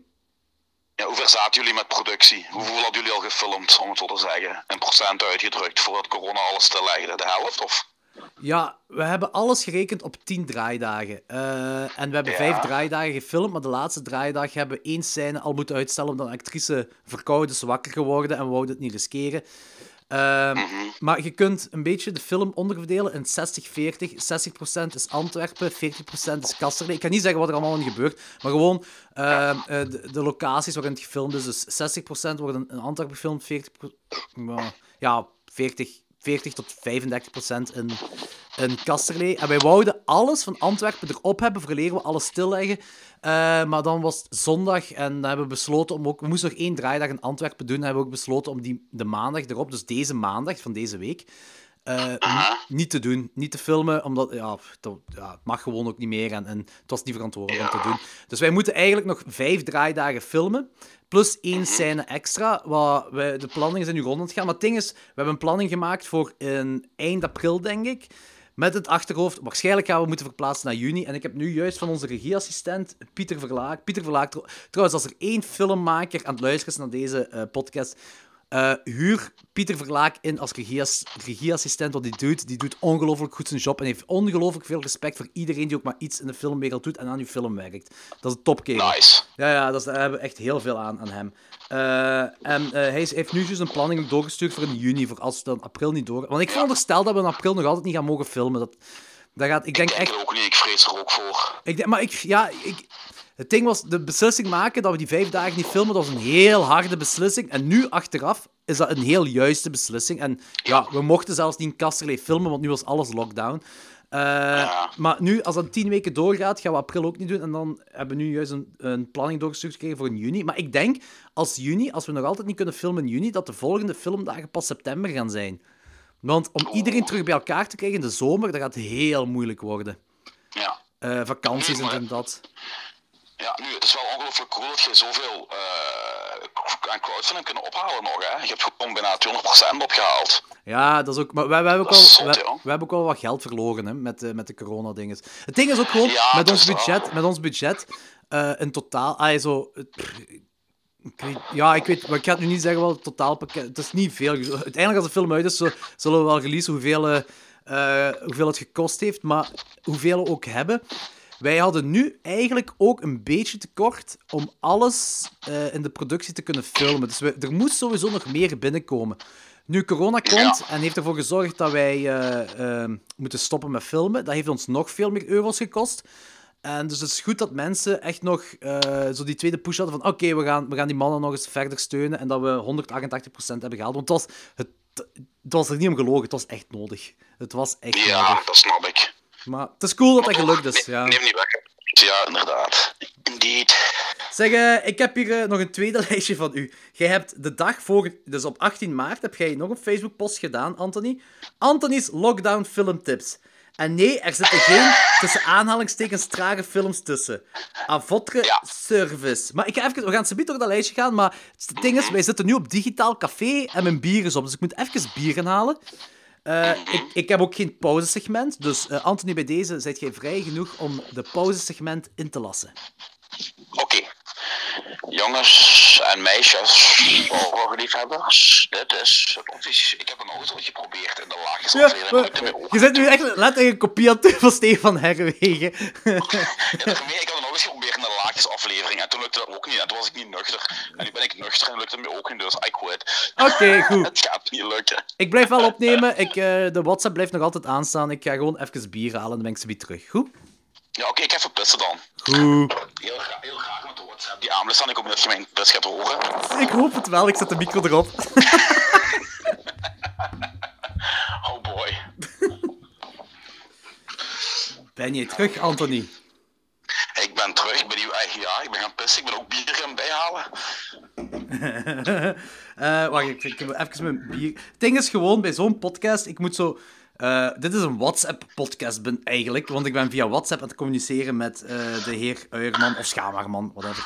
En, uh... Dat is ook de langste, dat, dat, dat langste dat we een telefoon gaan gehangen hebben, denk ik. Dus dat is een recordje Het ding is gewoon, ik moet ook zo de gsm die altijd bij de micro houden. Dus ik moet even ah, ja. de gsm neerleggen voor mijn bier in te schenken. Ah ja, ik, ik, hoor, ik hoor mijn gsm geklemd tussen mijn schouder en mijn gezicht. Want ik heb een heel dikke kop, dus ik kan dat doen. ah, ik heb gesmost! Godverdomme. Oh, ik, ik heb mijn bier gesmost. Oh, zonde. Ja, heel zonde. Uh, het ding is ook, met uh, al dat hamsteren, uh, ik denk dat Martel en ik het tegenovergestelde van hamsteren gedaan hebben. wij zijn gaan inkopen doen, nog zo juist, ik denk, ik denk juist, nee, de maandag, de maandag. Dus alles was zoal bezig van mensen, moet, mensen moeten binnen zitten, bla bla bla. Maar uh, we komen thuis en ik zie zo... Ah, we hebben nog zo één diepvries dat volledig leeg is, dat we niet gevuld hebben. Uh, ik heb zo extra biertjes gekocht. Ik heb La Chouffe gekocht. Ik heb Guinness gekocht. Ik heb de verboden vrucht van de Hoegaarde Compagnie, of hoe dat ook nog heette. Ja, ik vind dat een heel goed biertje. Maar ik ben nu aan mijn laatste twee Guinnessen bezig. dus ik, ja... ja heb geen alcoholprobleem of zo, maar ik had hier nog... Uh... Het is altijd goed als je je zin zo begint. Ja, maar ik heb geen alcoholprobleem of zo, maar... hier stonden per toeval nog uh, vier bakken vedette, uh, twee bakken Jupiler, een bak Kompel, tien flessen whisky, zes flessen gin. ik heb geen alcoholprobleem, zegt hem dan. ik heb trouwens een hele goede anti-corona liqueur zelf gemaakt. Drie maanden geleden per toeval. Ik ben visionair. En ik drink daar elke dag één borrelke van. En ik denk dat dat gaat helpen. Ah, ik, ik hoop het voor u. Ik hoop het voor u. Maar jij bent, ja, een whiskydrinker, hè? Ja. Ja. Nu, uh, alleen in gezelschap eigenlijk. Ik ga, ik ga niet vlug op mijn eentje uh, whisky liggen zuipen als ik tv aan het kijken ben. Maar uh, ik kan echt wel genieten van, van een goed glasje whisky. Ik heb er een collectie staan van ongeveer 10 flessen, maar ik deel ook graag dan met kameraden. Nu, als er kameraden zijn die zeggen van, ik proef allemaal hetzelfde. Ja, dan ga ik natuurlijk niet met mijn, mijn duurste topflessen open doen. Maar ik heb een aantal kameraden die echt wel een goede whisky kennen en, en, en kunnen waarderen. En dan trek ik wel graag een flesje van 120 euro open of zo. Ik, Dus, eh, ik, ik lust dat echt niet, hè. Ik, ik, ik krijg... Ah, het is zoiets wat je moet leren drinken, zeggen ze, hè. Ja. Weet je wat is iets, iets heel zots horen? Ik heb eh, ongeveer een jaar of tien geleden, of misschien iets, ik weet niet meer, wat een jaar geleden, whatever, was er uh, Glenfiddich. Eigenlijk is dat een standaard whisky, die je overal vindt. Eh is ook niet zo duur, pak 25 tot 30 euro de fles. En die is voor een common whisky eigenlijk al best lekker en neutraal. En eh, die had een aantal jaar geleden was er een sneeuwstorm in, eh, in Schotland, in, ja, waar die brouwerij zich, eh, die stokkerij zich bevindt. En het dak was ingestort van de loodser, al die whiskies lagen te rijpen. Nu, er waren whiskies bij, die lagen er al vijf jaar te rijpen, maar er waren ook whiskies bij die meer dan 50 jaar lagen te rijpen. Ja? Om die, om die allemaal te redden, hebben ze al die vaten op één nacht eruit gehaald en hebben ze er een blend van gemaakt. En die heette Snow Phoenix. En die kwam uit die fles en die kostte 60 euro. Dus ja, ik kocht zo'n fles. Die was mega lekker. En drie jaar later wil ik eh, onze gitarist, Juri, van Steel Justice, een fles cadeau doen, hij toen 30 werd. En ik voor de kenners. En ik, zag, en ik zag het op internet en toen stond die aan 700 euro. Wat? En ik had die een paar jaar ervoor gekocht aan 60 euro. Dus Oké, als ik dat toen dat geweten, ziek. had ik natuurlijk 10 flessen gekocht. Is echt zo daar van 60 euro naar 700 euro. Ja, oké, dat is ziek. Dat is echt ziek. Dat is echt ziek. Ja, ik moet ook wel zeggen dat nu in, de, in deze coronatijdperk mijn eh, alcoholconsumptie omhoog is gegaan. Hoe raar dat ook is, eigenlijk. Want ik heb zo... Mijn is vers... Ja, zeg maar. Ja, nee, het is gewoon van... we- we- maandag heb je die inkopen gedaan en dan heb ik zo... Oké, ver- verbolden vrucht vind ik echt een lekker biertje. Dus onmiddellijk een verbol- verbolden vrucht opgedaan. Mag dat ook. En dan zo... eh, ik werk dus van... Deze week heb ik vanaf woensdag van thuis uitgewerkt, elke dag. En de donderdag had ik zoiets van... Hé, hey, dit is mijn kans om te drinken op het werk. Hè? Hè? Hè?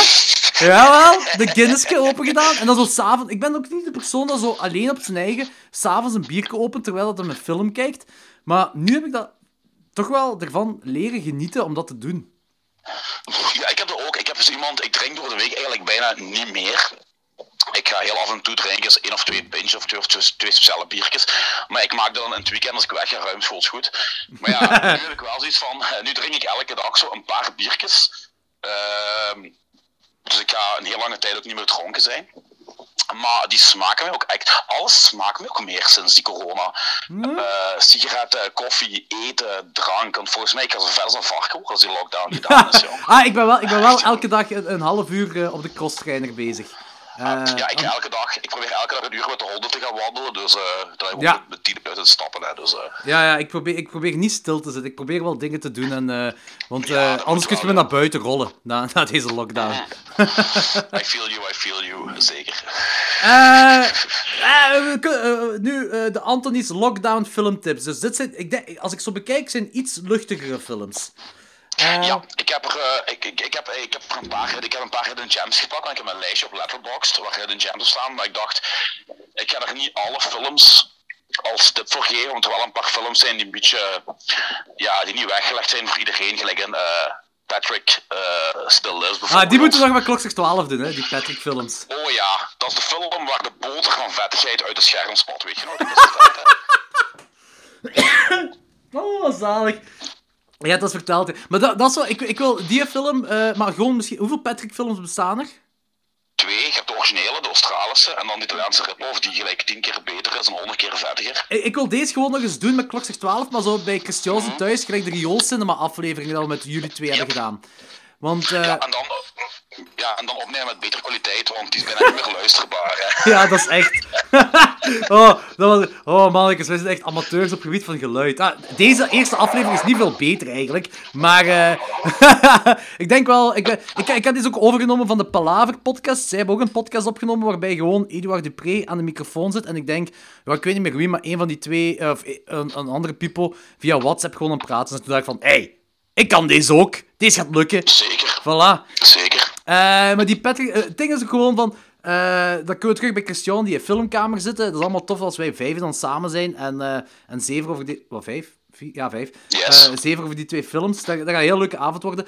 Ehm, ik denk ook, nu ik erbij nadenk, dat Christian eigenlijk jaren een stuk zichzelf heeft voorbereid op deze coronaperiode. Waarschijnlijk. Zeker de laatste jaren.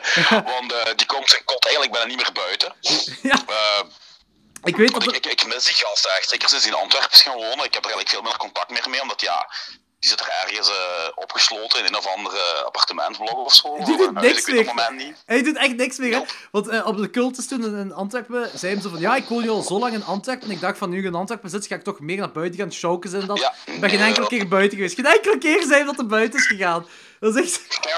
Heeft een deel van uitgaan wel gehad in het verleden, want vroeger was hij echt altijd weg. Dus ik denk dat hij nu gewoon zegt van fuck the mens, ik sluit me gewoon op met mijn films en met mijn soundtracks, jong. Ja, hij, heeft, hij, heeft, hij heeft zijn eigen leven gecreëerd. eh, zijn eigen leven bij zijn thuis. Hè. Wat, wat oké is, hè. Het is gewoon raar om zo... eh, niet met hem weg te gaan. Maar hij had ook zo... eh, Ja. Ik denk dat Dennis van Esser, die jij ook kent, denk ik, niet? Ja, ja, ja, van ja, niet echt heel goed, maar ik ken hem. Ja. Ja, hij had zo naar Danny gestuurd, zegt nu Christian bij ons woont in Antwerpen, kom eens op café gaan.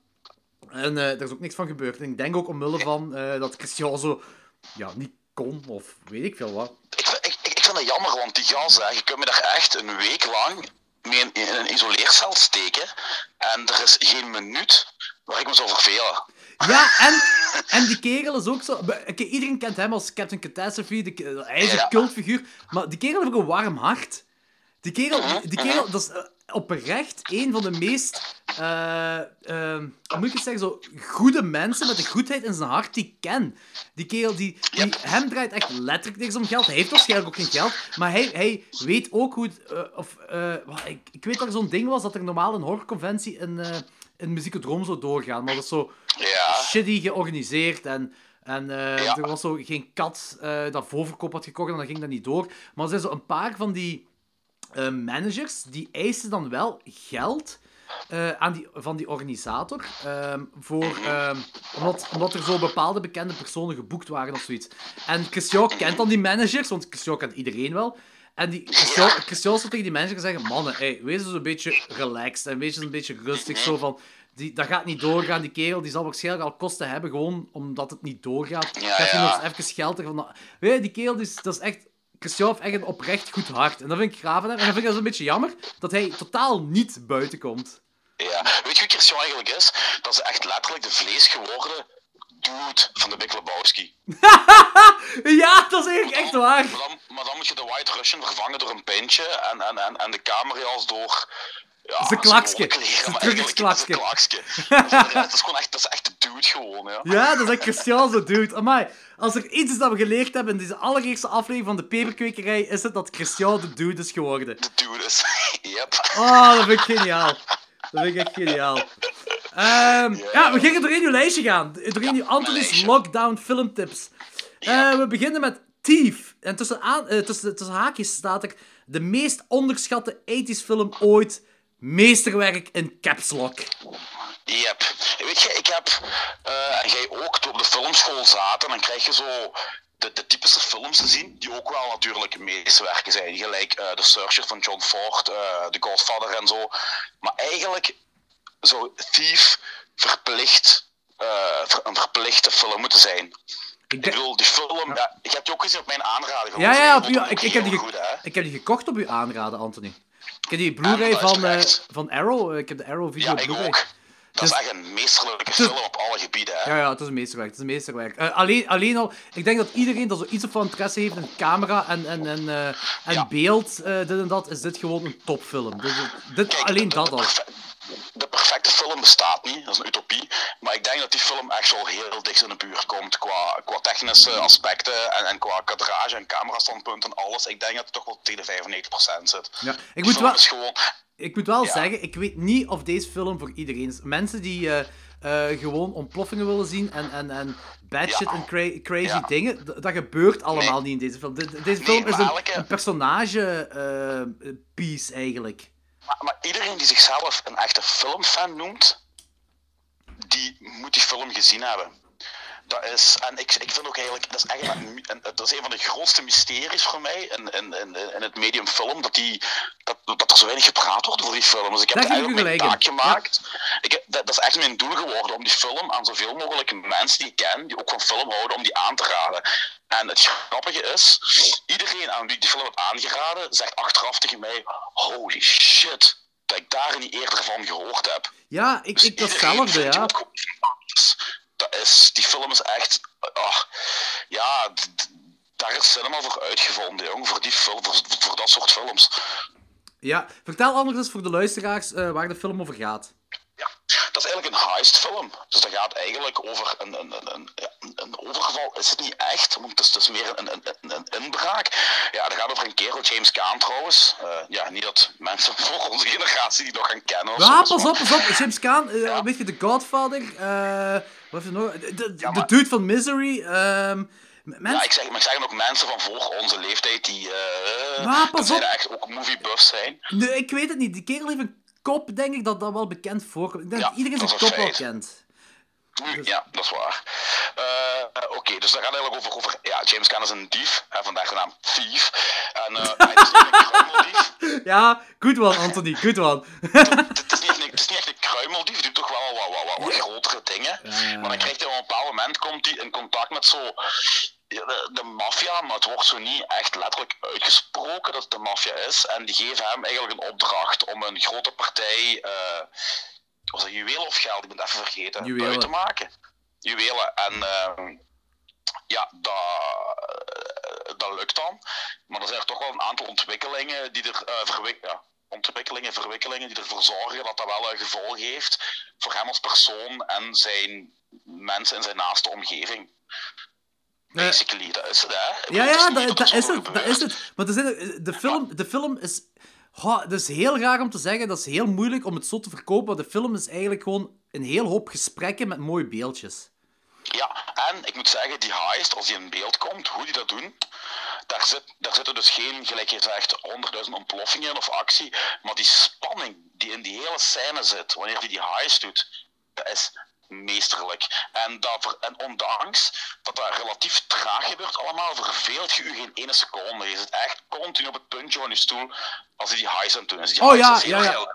ja, ja. Heel sec in beeld gebracht, maar het is de kunst om iets heel droog en, en, en, en quote, quote, simpel in beeld te brengen, maar, toch vast te houden.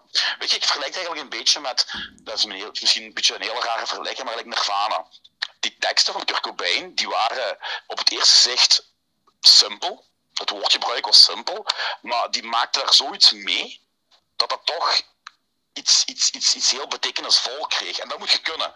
Om met, met, met, met weinig beelden of weinig woorden iets te maken wat u heel lang vasthoudt. En wat veel meer uh, teweeg brengt dan, dan, dan, dan ja, 10.000 ontploffingen of 10.000 moeilijke woorden of whatever. Nu, ik moet zeggen, Anthony, ik ben geen Nirvana-fan. Bij mij is het Ramones all the way en dat is gewoon 1, 2, 3, 4, go. En die, die, die teksten gaan over gieten scoren en drugsnuiven. Uh, weet je, bij mij gaat het niet zo diep. Even, ja. ja, dat, is, dat, is dat, dat, dat, dat, is voor de tweede aflevering van ons van de Peperkweek. oh, daar, daar kijk ik wel naar uit eigenlijk. Dat gaat tof worden. ik ook, ja. Psyched. Gewoon uh, zoals Nirvana. Maar uh, over uh, Thief, dus, het ding is gewoon... Bij mij... Dus ik blijf erbij. De film is, een, is kort gezegd, dat zijn gesprekken met een fantastische cinematografie. Maar... Ja. En dat, ja, dat, dat is misschien niet voor iedereen weggelegd, maar die cinematografie, dat is gedaan door Donald E. Torren. Uh, en die, ik vind dat heel zot dat die kerel heeft zo bijvoorbeeld uh, de, de, de, DOP ook gedaan voor de uh, Shaft, maar de Samuel L. Jackson versie van Shaft. Ja. En, ja, en Ace Ventura, maar dat zijn zo. De, de, dingen waar ik zie waar hij cinematografer is, zijn niet dingen waarbij je zegt van, maar zotte cinematografie. Absoluut nee, niet. Nee, en Thief, Thief is misschien wel uh, ik kan, ik kan Thief echt wel, als je zegt zo, top 10 mooiste films aller tijden, daar zit Thief sowieso in.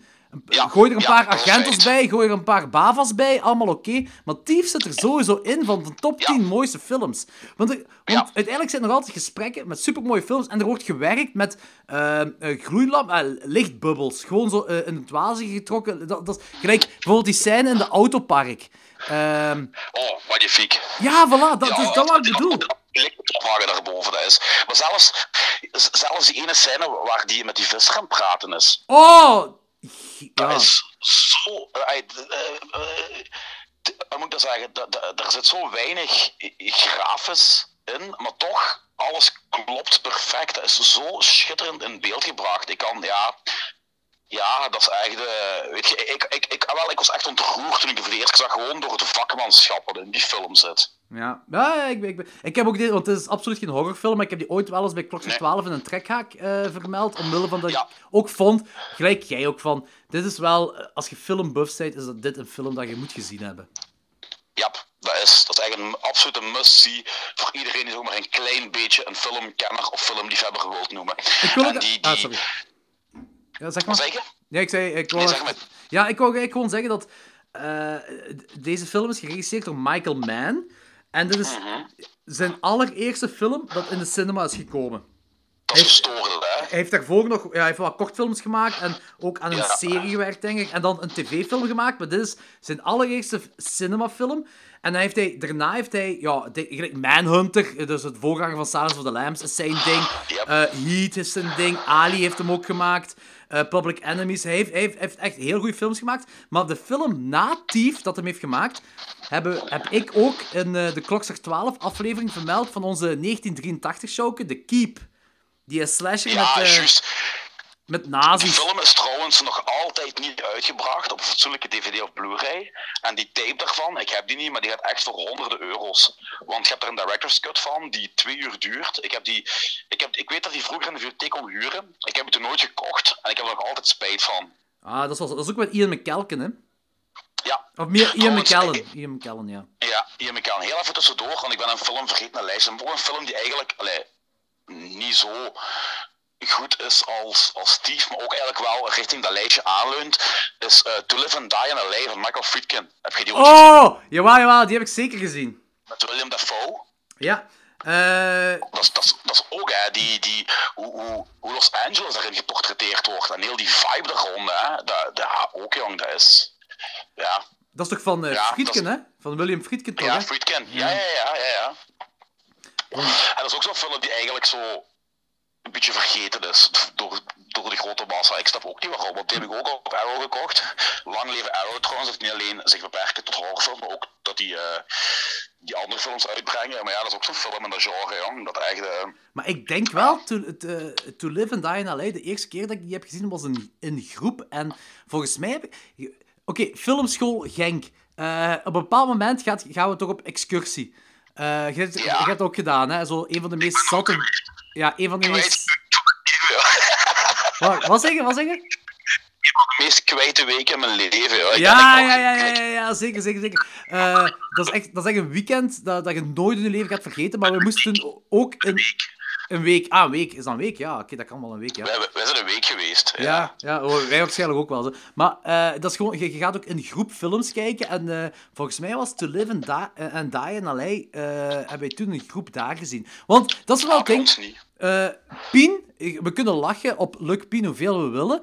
Maar die kent zijn klassiekers wel, hè. die kent zijn Ja, films wel. ja, ja, voilà, dat is gelijk- een feit. Gelijk dinges, eh Die Hard. Hij, hij, hij vond het een must dat wij Die Hard zouden analyseren. En dat is echt zo, dat is Ik echt vind dat heel goed. scène per scène analyseren, hè. Dat is ongelooflijk dat die kerel eigenlijk zo, zo twee scheidsfilms gemaakt heeft, hè, terwijl hij zoveel van cinema kende. Hè. Ja, het ding, oké, het ding wat ik nu ook wel te weten ben gekomen is, eh, als je in, in, in, België een film wilt maken, er zijn heel veel procedures waar je moet eh, doorgaan. En, eh, Ja, dat is een feit. wij, doen, een wij, feit. wij doen het nu op ons eigen, maar ik weet niet of, of wij duister kunnen maken als we effectief Nee. geld zouden krijgen Ja, van het nee. valse. Dus dat weet ik niet. Maar, eh, dit... Ja, sorry, zeg maar. Ik, ik vond het grappig toen ik op de filmschool zat. Ik had een spin en ik had, om het op zijn uh, zacht te zeggen, niet zo'n heel goede relatie met die kerel. Maar eh, op een bepaald moment ging het over de Godfather. En er was een discussie. Hij wou eh, een van de Godfathers tonen aan ons. En iedereen eh, in, de klas deed eigenlijk vrij lacherig over de Godfather 3. En ik ben toen echt kwaad geworden, want ik ben mega fan van de Godfather 3. terwijl die film Dank u!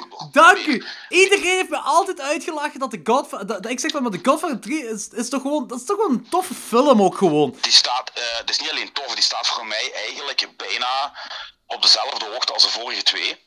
En ik weet dat er toen een hele discussie uitbrak in de klas. En Pien was eigenlijk een van de enigsten die mij gelijk gaf. En die zei van, eindelijk is iemand hier die ballen aan zijn lijf heeft om er vooruit te komen dat Godfather 3 echt wel een zeer goede film is. En toen heeft hij Godfather 3 laten zien in, in zijn les van filmanalyse. We hebben de Godfather 3 moeten analyseren.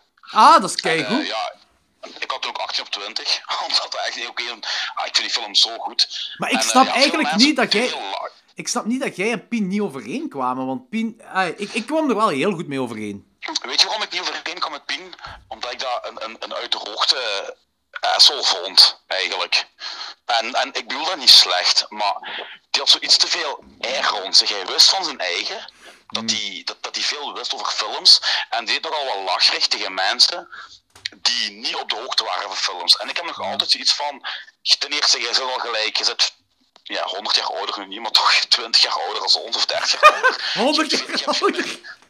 Nee, dat is Danny. Dat is Danny. Oh! Maar, Wat Nee, insiders van Klokslag 12 in de peperkwekerij vermelden. Ja, zeker. Nee, maar dat, maar, maar dat is, ik bedoel, eh, ik, ook meer van films dan, laten we zeggen, de doorsnee filmliefhebber. Maar ik ga, helemaal niet, ik ga helemaal niet neerkijken op mensen die ik niet kennen. En zeker niet op mensen die meer willen ontdekken, weet je? Nee. En ik vond dat bij Pien wel zo'n beetje het geval Dat was. snap Die ik. nogal wat... Ja. Ik, sna- En- kijk, en ik snap dat. ik niet echt ja. Ik snap dat, maar langs de andere kant, het eerste jaar film, filmjaar is echt gewoon kaf van het koren scheiden. Eh, Ja, ook, weet nog... ook hetgeen wat, eh, wat, wat, zeg. wat ding is. eh, ah, hoe heet hem weer? Ehm, Armand, eh, nee, eh, eh, Edwin. Edwin. Wat Edwin die- deed. ja. Edwin. Ik, ik kwam heel goed overeen met Edwin. We gingen ook Ik zo ook. met, met, kliksje gingen we samen op café met Edwin erbij en zo. Maar dat was echt geen goede leerkracht. Die, die, die zei letterlijk tegen mensen, tegen, tegen studenten, dat ze beter hun eigen kunnen ophangen dan hier in de filmschool zitten. Dat is echt niet oké. weet je- Maar Weet je wat ik dat gezien heb? Ik, heb? ik heb het altijd gezien en ik heb het ook verteld op de laatste visie van mijn laatste filmpje. Want ik wist toch dat ik ging stoppen met die school. Ik dacht nu ergens eindelijk mijn gedacht zeggen. Die, dat zijn geen leerkrachten. Pien, die zat daar, naar mijn mening, hè, dus dat is nu mijn Ja, eigen ja. mening wat ik verkondig. hè. Pien zat daar omdat die flop was als regisseur, dus die moest lesgeven en die was eh, gefrustreerd. En Edwin is een hele goede cameraman, maar veel mensen konden niet samenwerken, omdat dat uiteindelijk op een of andere manier altijd een eikel is, en daardoor zat die bij ons. Dus de meeste van die mensen die er zaten, die waren echt gefrustreerd. ja. En die moesten geld verdienen met lesgeven. Eén uitzondering op de regel is Ludo. Fantastische vent, Ludo. Ludo. Die kerel, die ademt cinema, die leeft cinema, en dat, dat is nog altijd mijn favoriete leerkracht. Ludo van me- Genechten. Die heeft mij, eh, ik denk een week voor we begonnen opnemen met Duister, had hij mij gebeld. En zei van, hey Jordi, proficiat hè? Ik zei, ah, proficiat? Ja, ik, ik, ik had in de krant gelezen dat jij een film gaat maken. Hij, hij staat ook compleet erachter eh, dat we die film gaan maken. En eh, eh, hij zei, ik, ik had dan uitgelegd, ja, screening, eh, want hij was al eh, zeggen van screening in de Roxy, maar ik, ik zei van, ja, de, de première gaat waarschijnlijk in de cartoons doorgaan in Antwerpen, ook omwille van... Th- Thomas had er wel een goed punt. Hij zei van, ja, eigenlijk het gaat over een Antwerpse beul. Dus misschien de première echt wel in Antwerpen laten doorgaan. En dat vind ik wel een goed idee. Ja, ja. Maar we kunnen wel een tweede screening, zelfs de dag erna of zo, in Koersel doen. En, en Ludo zei, laat me weten, laat me weten en we regelen het. Zo. Ik weet nog dat ik, eh, toen ik, ik zat, ik zat nog maar twee weken op school daar of zo. En eh, ik was met een paar eh, collega-studenten aan het babbelen over, over horror. En één keer stond Van Genechten langs mij. En het ging over trauma. En op een bepaald moment hadden we eigenlijk bijna tegelijkertijd over Rabbit Grannies. Ah, Die dude, is zalig. ook, die dude is ook, want hij zegt van ja, dat is van die Belg Emmanuel Kervijn. Dat ik zo, je kent dat? Natuurlijk ken ik dat, ik ben ook een horrorfan en. Ja. En Die dude, die, die, dude, die kent ook zijn, zijn, zijn, en zo. Maar weet je wat cool is? Dus, dat eh, zo, ik ben, ik ben eh, eh, toen ik nog in Houthalen woonde, ben ik een paar keer naar Koersel gegaan. Maar dat was zo, ik denk de eerste keer dat ik de Roxy Koersel was gegaan na het filmschoolgedeelte, was denk ik... wacht, ik denk dat ik op mijn 24e of twee, nee, 22e of zo gestopt ben daar.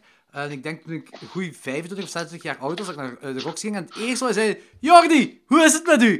Dus ik zei van, Ludo, hoe Ja, komt maar- dat je mij nog kent na al die jaren? Dat is echt zot, dat is echt... Ja, maar dat is zo'n kerel. Dat is trouwens ook... De Roxy was een van de eerste cinemas die eh, ergens in de jaren 2000 ook begonnen is met de klassiekers terug uit te zenden. Hè? Want ik heb daar in de jaren 2000, ik weet niet nog wanneer, hebben ze daar dingen terug uitgezonden. The Godfather, Clockwork Orange, 2001 Space Odyssey en zo. Die hebben in de zomer een heel programma van gehad. Dat is zalig. eh, en, en de Kinepolis is, is er zo'n tien jaar later op die kar gesprongen, hebben het toen ook gedaan, maar Roxy was een van de eerste. Plus, hoe cool dat je met een fucking duvel in een glas de Ja. zaal kunt inwandelen daar. Ja, en het enige, hij, zegt zo, zo, het enige wat is van, ja, neem gewoon al uw leeggoed en zo, neem dat gewoon terug Ja. mee. Er zijn lege bakken aan de inkom van de zaal voor uw flesjes in te deponeren. Dat is ook Ja. geniaal. Weet je, dat is, dat is zo een, van, een van die weinige familiecinemakers die nog zo die vibe van vroeger heeft. Want ik weet niet of dat nu nog is, maar zijn pa die stond er vroeger ook. Die stond om de snoep te verkopen en, en de pintjes en zo. En ja, heel die vibe die erin, die was zo 80s en, en, en 90s nog. Hè. Dus eh, ja, Weet je wat tof is? zalig, ja. Toen, eh, toen Christian en ik naar daar gingen voor eh, die cultavonden van Klokslag 12 voor te stellen. Dat is eigenlijk zo grappig dat ik met Christian ging. Want nu staat nog altijd op die Ja. posters wat, wat Joey heeft gemaakt. Eh Captain Catastrophe en Klokslag 12 Exact. present. Maar Ja. Christian komt helemaal niet meer naar daar. Maar fuck it. Virtuele royalties. we gingen naar daar. En het eerste wat, wat, wat, wat Ludo zei van... Hij is psyched, hij wil, hij wil dat doen. En toen vroeg hem... Wat wil... eh wat was hij meer? Hoeveel willen jullie daaraan verdienen? En Christian en ik zeiden van... Ja, niks. We willen, Niks. gewoon die, we willen gewoon die films zien... eh, op groot scherm, dat is alles. Zo van, jij betaalt die rechten, jij- alle inkomsten zijn voor u, dit en dat allemaal. Wij, wij, wij willen gewoon meer, meer promotie maken daar rond en, eh, en gewoon een toffe avond hebben. En hij zei, oké, goed, doen we.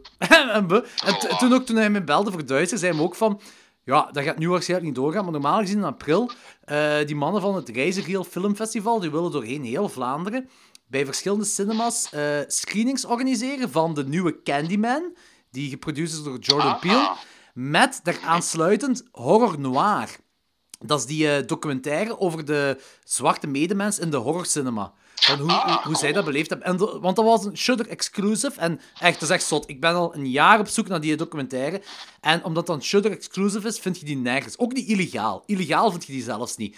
Eh, dat, is gewoon, dat is alleen eh, op Shudder in Amerika, op dat streaming device, dat je die kunt kijken. Dus ik was heel psyched daarvoor. En, en eh, Ludo vroeg aan mij van, ja, we gaan die twee doen. Wat denk je, welke datum? Ik zei, ja, doe dat gewoon wanneer Ah, in, in de boom van Candyman. Dan gaan we waarschijnlijk het meeste, meeste volk hebben. Dat gaat nu waarschijnlijk niet doorgaan. Maar hij is er wel nog altijd mee bezig met die cultavonden. Hij contacteert mij ook van, hey joh, die, die en die film, wat denk je daarvan? Dus hij zit er, hij, hij heeft...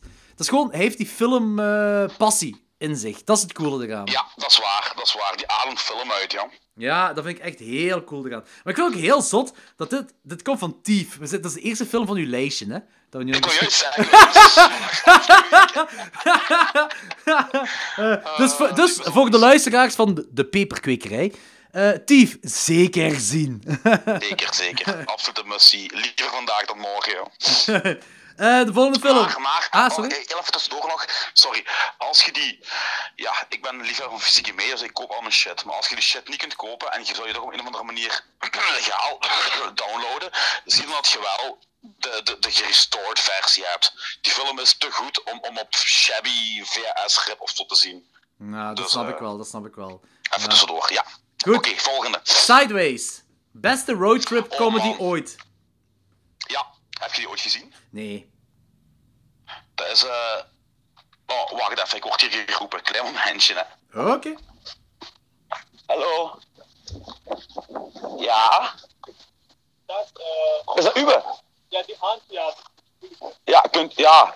Ik, ik, ik zou die terugvliegen, denk je? Ja, maar ik, ik, ik ben nu aan een interview bezig. Een interview, zegt hem. An- an- Anders, anders morgen of zo, of misschien straks. Een interview. Ah, helemaal gelijk. Anthony, dit is een podcast. Dit is geen interview. Ja, ik weet dat. Maar ik, ik, ik heb proberen die terug te jagen, maar ik weet niet. Ik heb het proberen te doen. Ja, dat is goed. Misschien zijn we eens anders morgen. Dan kom ik gewoon terug bellen en dan doe ik open. Goed. Ja, jij ook, hè. Ciao, hè. Ja, er zit dus een, een haan bij onze kippen. Dat is toch goed? En eh, ja, maar die haan is niet van ons. En, eh, die, die, haan, die haan die op mijn, mijn, mijn kippen eh, steken. Ook echt op zijn gangs. Ja, oké, goed. Ja, we blijven denken. Oké, maar zwart, oké, die duur is weg. Eh, Wacht, ik wil even zeggen, Anthony. Anthony, dit is geen interview, hè. Dit is een podcast. Ja, ik weet het, maar ik moest iets zeggen, hè. Oké. Nee, wat, wat, vond je van Sideways? Nee, ik heb hem niet gezien, hè. Sideways heb ik niet gezien. Oh man. Eh, Paul Giamatti, dat is eh, een, een, een, hele ondergewaardeerde acteur. Die speelt echt de rol van zijn leven, jong. Die droefenis die op zijn kop afgebeeld staat, is echt magnifiek. Dat gaat dus over eh, twee dudes, twee vrienden. Paul Giamatti is een leerkracht slash schrijver. En die heeft een roman uitgebracht die eigenlijk ehm, niet echt succesvol is. En zijn kameraad, dat is een, acteur. En eh, die acteur die gaat trouwen, maar voordat hij wil trouwen, wil hij eigenlijk nog eens zo een roadtrip maken met, ja, met, met Paul Giamatti dan. Maar die acteur, die wil eigenlijk gewoon wijven kraken en, en, en, en, en zuipen. En Paul Giamatti wil hem zo de, de wijnen laten proeven, want dat is ook een wijnliefhebber. Dus gaan naar eh, de Californische wijnstreek om daar wijntjes te drinken. Ah. Ja, dat is het eigenlijk. Is het maar- zo'n feel-good film? Ja en nee, want eigenlijk Paul Giamatti is een ongelofelijke loser in die film. En die film eindigt ook niet happy, ook niet unhappy. Ik bedoel, maar, maar toch, ja, op een of andere manier is het toch een feel-good movie. Dat is een komedie met, met, met wat drama-elementen in, maar het is allemaal vrij luchtig. En er zijn, ook, er zijn ook een paar stukken waar je echt hardop mee moet lachen. Maar dat is niet van die platte slapstick humor. Of Nee, nee, nee, maar- maar- maar ik- ik bedoel, vind, wat ik heel leuk vind. Maar feel-good, Maar, ik, ik heb het ehm, dan niet over slapstick dingen of zo, maar gewoon zo van... Nee. eh, het, is, het is luchtig genoeg om zo... eh, ja, ja, feel-good gewoon, hè, dat je, dat, dat je Ja, tof voelt ja, tijdens een film kijken. Dat bedoel ik zo wat. Ja, ja, want ik denk dat die film, een, een, een, een- die was genomineerd zelfs voor beste film voor de Oscars in de tijd. Maar ik denk dat hij de screenplay gewonnen heeft toen. Dat denk Ah, ik oké. wel. Want ik ben gaan kijken naar die regisseur, Eh. en die regisseur die heeft zo gelijk eh, About Schmidt gemaakt, dat ik wel cool vond, met Jack Nicholson. yep. Election. Yep. Election. Election is wel zo een, een, een, een film dat zo, volgens mij toch, als ik me goed herinner, dat zo wel meer eh, platter was qua comedy. Nee? Was dat niet Ik zo? weet het niet meer, ja. Ja, ik, ik herinner me zo, maar het kan zijn dat ik fout zit. Eh, en eh, Downsizing heeft hij dan ook gemaakt. Dat is een film van twee jaar geleden. Die heb ik, die heb ik pas gezien, gelijk een, een drie dagen geleden. Ik vond die mega cool. Echt? Ik vond die zo... Ik, vond- ik, zo... Nee, ik vond het gewoon, er zat, er zat ni- niks in van, ah, dat is geen film die je bij gaat blijven of zo. Maar dat is gewoon een, een aangename film om eens een keer te zien. Plus, Christophe motherfucking Waltz doet mee. En, en ja, ik bedoel, dat is een van mijn favoriete acteurs. Ja, dus, eh, Waltz is geen... Maar ik vind Matt Damon vind ik ook tof. Oh, iedereen mag ermee lachen hoe hij wilt, maar ik vind Matt Damon echt tof. Eh, Ik, ik ook. maar ik, ik, ook. ik had... Downsizing, weet je, dat is gewoon zo...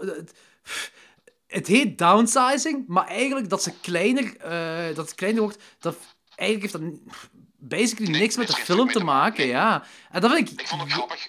Ik, ik, ik nam die op op tv en eh, op, Telenet, en nee, op, op, ja, op weet ik veel waar die op was. En er stond bij de omschrijving science fiction horrorfilm. totaal niet, eh, wat totaal niet geval is. Eigenlijk is Nee, absoluut niet. What the fuck? Jongen, ik vond, hier... ik vond het wel een leuke film. Maar Sideways, anyway, die is eigenlijk, dat is ook een aanrader, ja. Echt waar. Oké, ik ben, ik ben wel psyched, ik ben wel psyched, ik ben wel psyched. Dat wel. Moet je kijken. Was zo van die feel-good movies, ja, Machteld hunkert nu naar die dingen. En ik zit maar zo... Oh, dan moet je zeker, dan moet je zeker eh, Sideways kijken, met, met een flesje wijn bij. En ik zit, ik, ik, zit, ik zit de hele tijd gewoon jelly te, te, te roepen naar haar. Ik wil jelly zien, ik wil jelly zien. Eh, eh, dus zij is echt aan het hunkeren naar feel-good movies. Dus Sideways, Sideways kan wel zijn dat, dat we die vanavond gaan kijken dan. Dat is een goeie- Moet je doen en laat me weten wat je ervan vindt. Goed, zal ik doen, zal ik doen. Eh, de volgende film van uw lijstje, daar eh, ga ik u... Ja, dit is... Eigenlijk is dat een van mijn favoriete films en ik heb hem niet fysiek, omdat, omdat hij gewoon nog niet is uitgekomen in Europa op Blu-ray op eh, fysieke media. En dat is I, Madman. Inderdaad, we hebben het erover gehad eh, in onze laagjesaflevering. Ik vind het heel goed dat jij zegt de laagjes aflevering. Dus voor de luister... moest er nieuwe luisteraars zijn, buiten Klokslag 12 luisteraars. Anthony en ik hebben een, eh, een eh, podcast op Klokslag 12 onder ons twee eh, opgenomen. Dat denk ik vier uur, vijf uur of tien uur duurde. Ja, heel, Ehm, heel kwijt. heel kwijt. Ehm, elk verdovend middel dat een mens kan nemen, hebben we per ongeluk genomen. En, en eh, we hebben toen heel veel films... ge- eh, we hebben eigenlijk Ja. films zitten opsommen, maar het kwam erop neer dat het over laagjesfilms ging. Eh, Ja. Deze film is geen laagjesfilm, maar Nee. deze film hebben wij er ook in vernoemd. Dat, was, maar het ging over eh, underrated films, eh, hidden gems. Was, dat was een onderdeel in juist, juist. Ja, ja, ja, ja. ja. En die film is van eh 89 of 90, maar die is zo'n een, een jaren 50 vibe. En ik heb toen ook gezegd tegen u, als die film in de jaren 50 gemaakt was, ook met de tijdsgeest van toen, dus niet met die visuele shit, had het echt wel een, een kleine klassieker kunnen worden. Ik bedoel, dat is eigenlijk het klassieke voorbeeld van een goede horrorfilm in al zijn facetten. Ja. Qua sfeer, qua setting, qua alles gewoon. Dat is exact waar. Het is, het, is, het is absoluut... Het is een van mijn favoriete films. Deze is uitgekomen volgens mij op Scream Factory. Ik ben niet 100% zeker. In ieder geval een regio 1 of regio A eh dinges heeft hem wel. Dus je moet, je moet zo'n eh, Blu-ray-speler hebben dat, dat, dat je alles kunt afspelen. Dat heb ik niet. Dus ik hoop wel dat Arrow of eender wat, maakt me geen fuck uit, dat die een versie gaan uitbrengen voor regio 2. Eh, want Ja. deze, deze film is fantastisch. Dat is echt een klassieker dat nooit een klassieker is kunnen worden. En dat, is- Ja, en, Dat is, perfect omschreven. en dat is ook wat jij zegt. Dat is, dat is eigenlijk, eh, een, ik, ik wil zelfs zeggen, een jaren 30. Een jaren 30 tot Ja. jaren 50 eh, premise film in een 80s jasje. Ja, Dat is dat. Ja, daar hangt ook zo'n... Hoe moet ik dat zeggen? Zo- Zo'n film noir-achtige vibe in. Ja. Weet je wat ik wil zeggen? Ja, ja, ja, ja, Qua sfeer, qua sfeer. En cinematografie. En, ehm, Qua cinematografie ook. Cinematografie ook. Want dat is nog altijd een van de, van de mooiste shots in, in de horror-historie voor mij. Ik heb eens opgelet, als die zo naar buiten gaat, is er een bepaalde scène met heel veel mist en dat hij de straat doorwandelt, tof personage. Ja, Ja, ja, ja, ja, ja, ja. Jawel, jawel, jawel, jawel. Ik weet waar je het over hebt. Dat is geniaal. Dat is echt, dat is echt Echt, geniaal. dat is gewoon zo mooi. Dat is echt gewoon mooi. Ik kan er geen andere woord voor vinden dan gewoon mooi. En, ehm, Maar ja, ook, ook het, ja. ver- het verhaal is ook gewoon tof. Ja. Wacht, ik u... eh, vertel het verhaal. Het gaat over eh, een, een meisje die in, een boekhandel werkt en die is zo verslaafd aan, aan een verhaal van een auteur. En blijkbaar heeft de auteur nog een verhaal gemaakt, dat heet I Madman. En eh daar komt een wezen in voor. En blijkbaar als die leest in dat boek gebeuren die tafereelen echt. Of ook niet. Haha, wie zal het zeggen? Maar, maar, eh, maar dat is het, dat is het basically, hè. En dat toont ook nog eens aan dat een, dat een horrorfilm eh, niet vol bloed en weet ik veel wat moet zitten om ook als horrorfilm bestemd, bestempeld te worden. Eh, weet je wat ik wil zeggen? Er, er zit niet veel fysieke of psychologische horror. Ja, maar het is wel... Toch Ja, is een horrorfilm. maar puur pas op. Het, het, ja, er zijn wel genoeg Ja, elementen... ons, ja. voor ons Ja. wel. Maar voor... Je moet gewoon in je achterhoofd houden dat het zo... Dat, dat, dat, dat het zo jaren 30 tot jaren 50 eh Ja. premise is. En dan... eh, gelijk, gelijk in de Invisible Man van de jaren 30. Ik heb niet over de Ja. nieuwe remake van de Invisible Man. Nee, nee, nee, Invisible. Man van de jaren 30. Op dit moment kun je... Is dat, dat is een horrorfilm in de jaren 30. Op dit moment is... eh, als je dat nu bekijkt, is dat eerder sci-fi misschien zelfs. En drama. Ja, dat is waar. Maar als je dat gewoon in je achterhoofd houdt en dat in een 80s jasje stopt, dan krijg je deze film. Ja, inderdaad. Dat is echt een, een absolute mustie. En blijkbaar, in mijn vriendenkring zijn er veel mensen die zeggen van... Potverdikke, ik herinner me die film. Want je kon die vroeger gewoon in de videotheek huren, hè. Eh, Is deze, wacht, wacht, sinds- Anthony, is deze in de videotheek bij ons geweest? I Madman. Want ik ken die van in de videotheek. Ik heb die, ik herinner me nog altijd als 8, 9-jarig manneke gehuurd in de videotheek Hollywood in Genk. En het gekke is, dat was een, een common horrorfilm in die tijd om te huren op tape. En ik ben Ja? die nooit meer tegengekomen op videocassette. Want ik verzamel dus, eh, de luisteraars weten het niet, maar ik verzamel eh, VHS-tapes van videotheken van vroeger. Voornamelijk horror en eurocrime en zo. En ik ben die dus nooit meer tegengekomen ergens. Maar ik is- vind die gewoon niet meer. En vroeger mocht die in elke videotheek huren. Want ik herinner me die hoes nog altijd van buiten, hoe die eruit Dus, zag. en Dus, jij bent ook actief op zoek naar deze film op VHS. eh, nee, nu niet meer. Maar ik, ik, omdat dat, dat zo'n film, die moet je eigenlijk gerestored hebben. Ah, Vind ik. Ja, ja, nee, dat snap ik, dat snap ik. Ja, maar ik denk, dat is wel tof om deze op VHS te hebben. Gewoon om te hebben. Want ik, je weet ook, Ja, de, de VHS'en dat ik heb, dat is... eh, ik, ik heb al de VHS'en, die ik ook eigenlijk allemaal van u heb. Eh, Ja, basically. eh, eh, die heb ik ook op Blu-ray. Ik- En ik kijk ze ook alleen maar op Blu-ray. Eh, behalve gelijk Ilsa, de She-Wolf of the SS. Die heb ik ook hier op VHS van u. Maar die Blu-ray moet ik nog wel Mhm. kopen. Maar ehm, ik, ik gebruik het als meubelstuk, die VHS'en bij mij. Ik gebruik het echt Ja, als ik, ik, meubelstuk. ik kijk ze nog wel, maar, maar ik, heb zo, ik kijk ze nog altijd.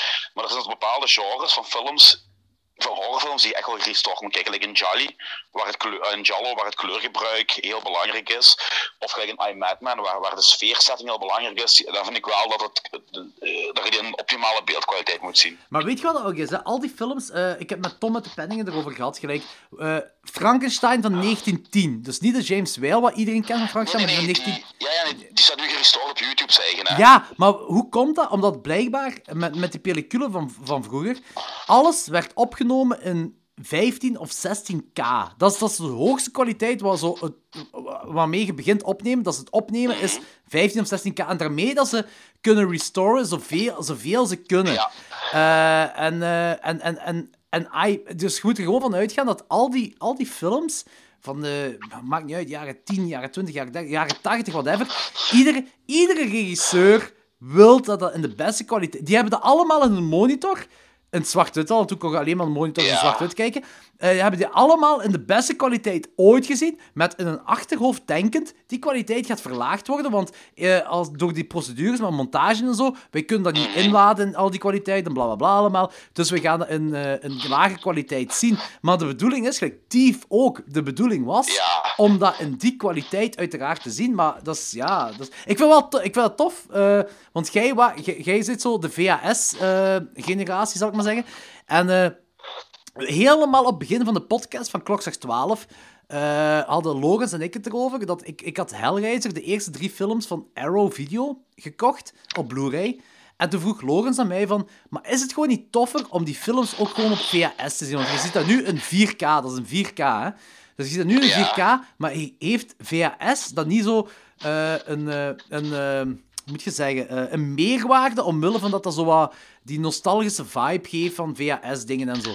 En ik ben een dikke, di- een, een, een dikke voorstander van nee, nee, absoluut niet. Omdat die dingen zijn gemaakt voor de goede kwaliteit. Ja. Ja, dat is waar. En ik, ik was vroeger ook zo, eh, tot tien jaar geleden, van ja, VHS wel zwaarder, bla bla bla. Maar weet je, ook als, als filmliefhebber en er zijn gewoon bepaalde films die je moet zien in al, die, in al hun glorie, waarvoor ze gemaakt zijn. Ja. En ehm, Bij, bij mij was dat, zo... dat, dat, Mijn ding was zo, zo wanneer ik zo die, eh, moet je zeggen, de, eh, de klik heb gemaakt. Wanneer, ik had Reservoir Dogs van, eh, van Tarantino had ik Ja. op tv ooit eens gezien. In de jaren 90 waarschijnlijk ooit eens. Wel, wel fan, wel fan van de eerste keer dat ik hem gezien had. Ik was denk ik in mijn pre-puberjaren of zo. En gewoon omdat het zo die coolheids vibe heeft. Hè? Ja. Hè? Ik denk pre-pubers krijg je wel heel snel mee met Re- Reservoir Dogs, denk ik. Eh, En eh, ik heb die daarna op DVD gezien. En daarna op Blu-ray. En dan daarna eh, heb ik die op VH... Maar ik weet niet meer waar. Maar op VHS is ooit gezien. En toen dacht ik van...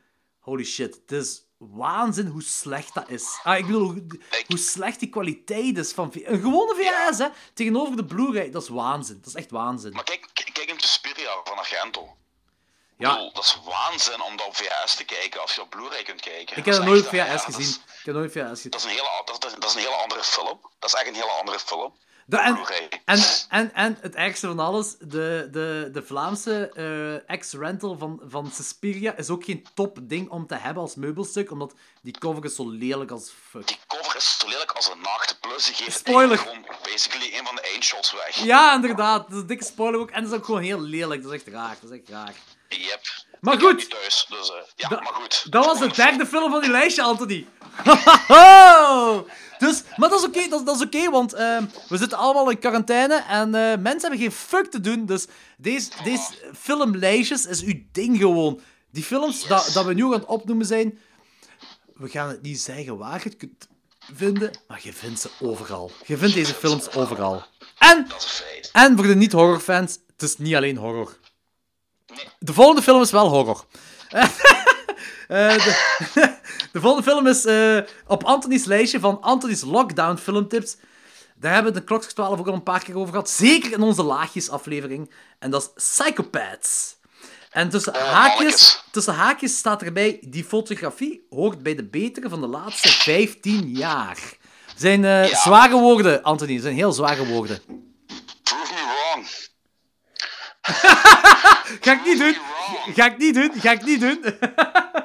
Ik bedoel, ik, ik, had me die aangeraden en ik zette die op en dan krijg je zo die intro van, van Starkweather, die, die moordenaar die op zijn stoel zit. En die begint zoiets van, "Hè, ik ga eraan en ik ga mijn geest door, de mens sturen en dan gaat morgen weer... hè." En dan dacht ik van, oh boy. En, eh, maar dan verdwijnt dat en dan komen de, de, de verhalen eigenlijk van, van, van mensen die basically andere mensen geworden. Eh, het Allemaal aparte verhalen ook, hè. Het zijn allemaal aparte verhalen Ja. ook. En het verhaal op zich stelt niet veel voor, maar die fotografie is waanzinnig, jong. Dat is, de- dat is, dat is ook een van de weinige films waarin die weg kan komen in een splitscreen. Eh, ja, dat is bedoel, ja, ja, nee, ik snap het, ik snap er, het. is- Er is, er, is, er is een bepaalde scène, en ik heb het er altijd over als ik, als ik over die film heb, is een kamer, en daar hebben ze een, een, een groene kleurfilter over de scène geplakt, en er is één lampje wat, wat, wat, wat rood geeft Ja, in, in, die scène. En dat is. Dat typeert eigenlijk de cinematografie van, cinematografie van heel die film. Die is waanzinnig prachtig geschoten. Ik kan daar naar blijven kijken. Naar gewoon die, die, film kun je op mute zetten. en u geen fuck aantrekken van het verhaal en gewoon kijken naar die beelden. Die beelden zijn technisch gezien schitterend in beeld gebracht. Dat is, dat is pure porno voor iedereen die de technische aspecten in de cinema waardeert. Want ik het ook heel raar dat zo'n slechte comments krijgen. Is echt, ik vind dat een van de meest onderschatte films in de laatste 20 jaar. Ik vind het heel tof dat je dat zegt, want het inderdaad, ik had...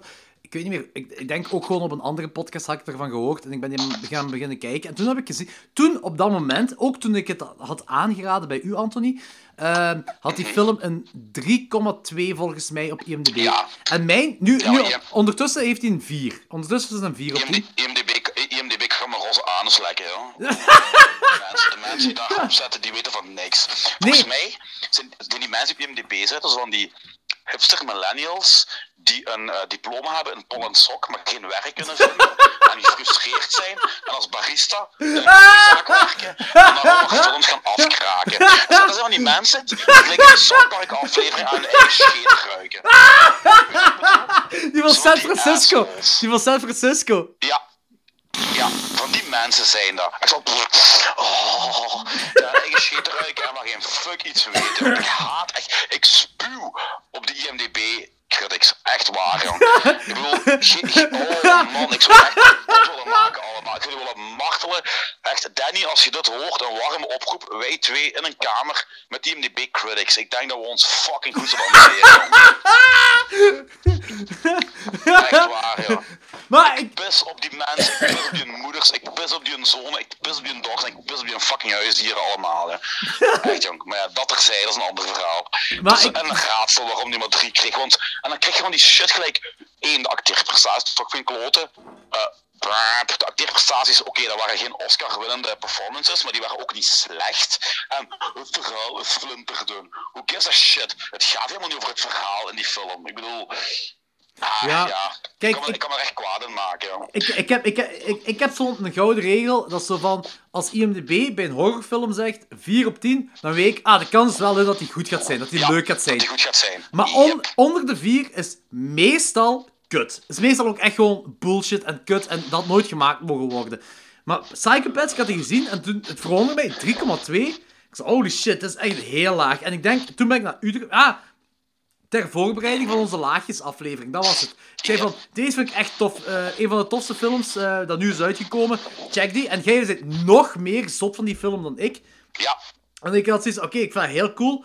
Eh, maar gelijk op Rotten Tomatoes krijgt die film nog altijd... De Tomatometer is... eh Tomatometer, dat is een... tomatometer. Eh, eh, 24% en de audience score is 8%. Dus die krijgt... Die, die krijgt ja, die krijgt echt al te weinig...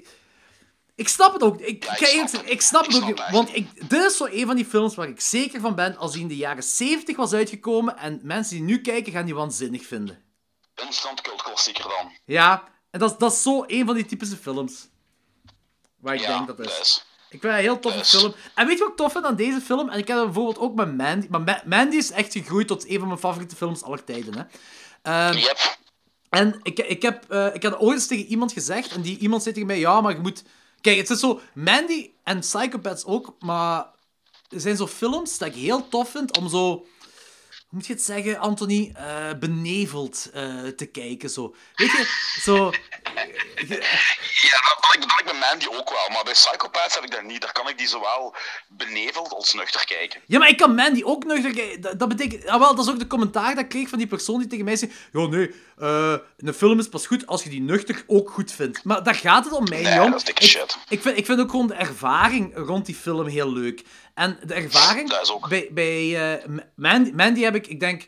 Ja, sinds dat die uit is, dat is de film die ik het meeste heb gezien in de laatste eh, twee, drie jaar of zo. Ik, ik, vind echt, ja, ik vind het echt oprecht een topfilm. Dat heeft niks met nuchterheid of, of Nee, zatheid te maken of zo. Ja, Dat is ook wel een topfilm. ja, maar ik vind dat ook wel een heel toffe film om zo, als je zo tipsy bent, om zo, zo juist zo Oh, de- ja. de- het juiste niveau van dronkenheid en die op te zetten en gewoon mee te gaan in die film. En bij Stel je, die film is voor onder de LSD, jong. Ik komt, jong. heb nog nooit LSD in mijn leven gedaan, komt, Anthony, dus ik, ik zou het niet weten. Ik heb nog nooit LSD in mijn leven gedaan. Ik zou het niet weten. Ik zou het echt niet weten. Het is gewoon een voorstelling. Eh, maar Psycho... gewoon dat ik maar iets... Ja, ja, maar Psychopath, ja. Psychopath is ook zo'n film voor mij. Zo van, ik, de eerste keer die ik zag was, was ik wel eh 100% nuchter. En eh, ik vond die toen al heel tof. Ik, ik, ik, ik Mhm. snap niet dat die minstens geen, ja, dat die niet minstens 4 op 10 krijgt op IMDb, wat nu dus wel is. Eh, Ja. maar dat, ik, ik heb die daarna, denk ik, drie keer nog gezien. Eh, ik denk voor onze lijstjesaflevering heb ik die opnieuw gezien, volgens mij. En dan nu voor onze, met Klokslag 12, eh, de, de verjaardagsshow. Heb ik die ook nog eens opnieuw gekeken. Eh, en dan nog een keer. En één van die, die drie of vier keer was ik wel... niet zat, maar zo, weet je, beneveld. En, dat is een mooi woordje, hè, Anthony, beneveld. En ik, dat is gewoon een toffe ervaring. Dat is gewoon een heel toffe ervaring om deze film zo te zien. Dat eigenlijk is ook filmmaking 101, jong. Ik vind dat is ook een film die je kunt laten zien aan de filmschool, als je op het technisch aspect afgaat. Puur cinematografie dan. Ja. Ja, snap ik. cinematografisch. Ja. Snap ik. Eh, de volgende film van uw lijstje, Anthony. Lady Terminator. Holy fuck, jong. Dat is gewoon pure waanzin. Dat, dat gebeuren... Dat zat ik letterlijk tussen, tussen haakjes bij u. Waanzin. Ja, maar kijk, we weten allemaal dat Italianen in rip-offs en weet ik veel wat heel onlogische shit kunnen pullen. Die film spant de kroon qua onlogische en meest van de potgerukte shit, jong. Er gebeurt zoveel in die film. En het toffe is, je kunt totaal niet meer volgen en je denkt altijd van, what the fuck is dit? Maar het blijft zo amusant. Ik bedoel, dat is, want de meeste mensen denken, als je de titel hoort, dat een of andere slechte rip-off van de Terminator is. Maar eigenlijk is dat niet. Ik bedoel, Maar het je heet wel Lady Terminator. ja, omdat ze gecashed, omdat ze worden cashen op de titel. Maar, eh ja, Dat is kan typisch Italiaan, hè? maar het is geen Italiaanse film, het is een Indonesische Ah! film, geloof ik. Oh shit, ik dacht dat het een Italiaanse want- rip-off was. Nee, nee, nee, nee, nee, nee, nee, want ik, ik heb die op Mondo Macabro. Nee, nee, nee, nee, want het- ik geloof dat het hoofdpersonage ook een Indonesisch meisje is. Ik heb die, eh, je zo'n een, een niche-label Mondo Macabro. En die, eh, die brengen films uit op, op Blu-ray en op DVD over eh, vergeten horrorfilms en, en rare actiefilms over heel de wereld. Die hebben ook heel veel Europese films uitgebracht, gelijk Don't Deliver Us from Evil en, en van die dingen. Ah, oké. Maar Ja, Terminator is echt, dat is waanzin, jong. Ik bedoel, ik heb er echt met open mond naar staan kijken, naar van, what the fuck gebeurt hier allemaal? En die verveelt ook geen ene seconde, hè. Je wordt gewoon van de ene naar de andere scène gedropt in, in, in, in de meest absurde shit. En ja, jong, die, die, film is eigenlijk een, een, een slechte drugstrip, jong, op de goede manier. Oké, ik ben psyched. Ik ga daar niks over vertellen. Ik bedoel, als je die film kunt vinden, kijk die. Zeker, want dat is, dat is zo de ideale film om met een paar kameraden die zo wat gelijkgestemd zijn, eh, te kijken. Dat is echt gewoon, ja, pure fun, jong. Die film heeft echt zoveel what the fuck momenten. Ik heb er geen idee van. Echt. Dat is, ja. Want daar wil ik het even over hebben, over zo samen met kameraden films kijken. Dat is zoiets, ik heb dat zo in mijn studentenjaar heb ik gedaan, maar eenmaal Ja, dat ik zo... ik ook, maar nu niet meer. En ik vind dat een beetje jammer en ik wil dat terug herintroduceren, zo. eh, zo, zo, zo- Ja, minder tijd en blablabla. En ja, ik heb ook heb veel van die fucked up films gekeken, ook toen ik op de filmschool met kameraden, weet je, in plaats van naar de les te gaan, ging ik iemand zijn thuis en dan eh, dronk je wat water en had je wat chips, nat, en keek je wat films. Zeg, eh, eh, Anthony, Anthony dit, is, dit, is, dit is de peperkwekerij. Hier mocht je gerust zeggen dat je alcohol drinkt. Oké, we waren gewoon knetterhaaien op alle gebieden. Ah, het was gewoon drugs. Het was gewoon drugs. ik wil geen reclame maken, maar op die momenten toen, eh, maar dat waren het zaligste momenten, weet je, dan had je, zo, dan had je les en gewoon niet gaan. Dan ging je gewoon op een zo'n cult met een paar man en eh je stopte je gewoon vol illegale middelen en je begon gewoon kwijt films te kijken. En ja, dat was er zo een of... Ik heb trouwens ook eh Fulci City of the Living Dead. Ja? Compleet naar de kloot keek en dat was een hele rare ervaring, joh. Ja, maar dat is ook zo... Maar De, de hele, de hele eh, Gates of Hell trilogie van, van Fulci, je kunt dat perfect nuchter kijken en denken van holy shit, dit is zot. Maar als je dat zo een beetje beneveld bekijkt, dan is het ook zo van oh fuck. Jordi, Jordi, we waren niet beneden, we waren gewoon compleet weg van de planeet, jong. Als je er dan kijkt, jong. Ja, jong, dat is echt, zit je daar compleet... Ja, ik kan het niet omschrijven, jong. Dat is ook, jong. Dan, eh, ja, jong, dat is... be- kan het niet omschrijven. Oké, oké, ik ben heel Ja. slecht voor Lady Terminator. Maar, maar, maar, maar om, om nog wat zo samen te komen, want ik heb er eh, pas in de laatste Klokslag 12 aflevering over gehad, ook met, met, met, Anthony, eh, met, met, met Logans en Danny. Logans en ik zijn naar het Offscreen Filmfestival gegaan. Mhm. Zijn jij er ooit geweest? Nee, ik, eh, ik wil er heel graag naartoe gaan, ook naar het buff, maar ik heb daar gewoon de tijd niet voor. Ja, maar ik denk dat offscreen dat dat gewoon tof... Ah, ik weet niet, ik ben nooit op Buff geweest, dus ik weet niet. Maar bij Buff is zo, dat schijnt zo, de...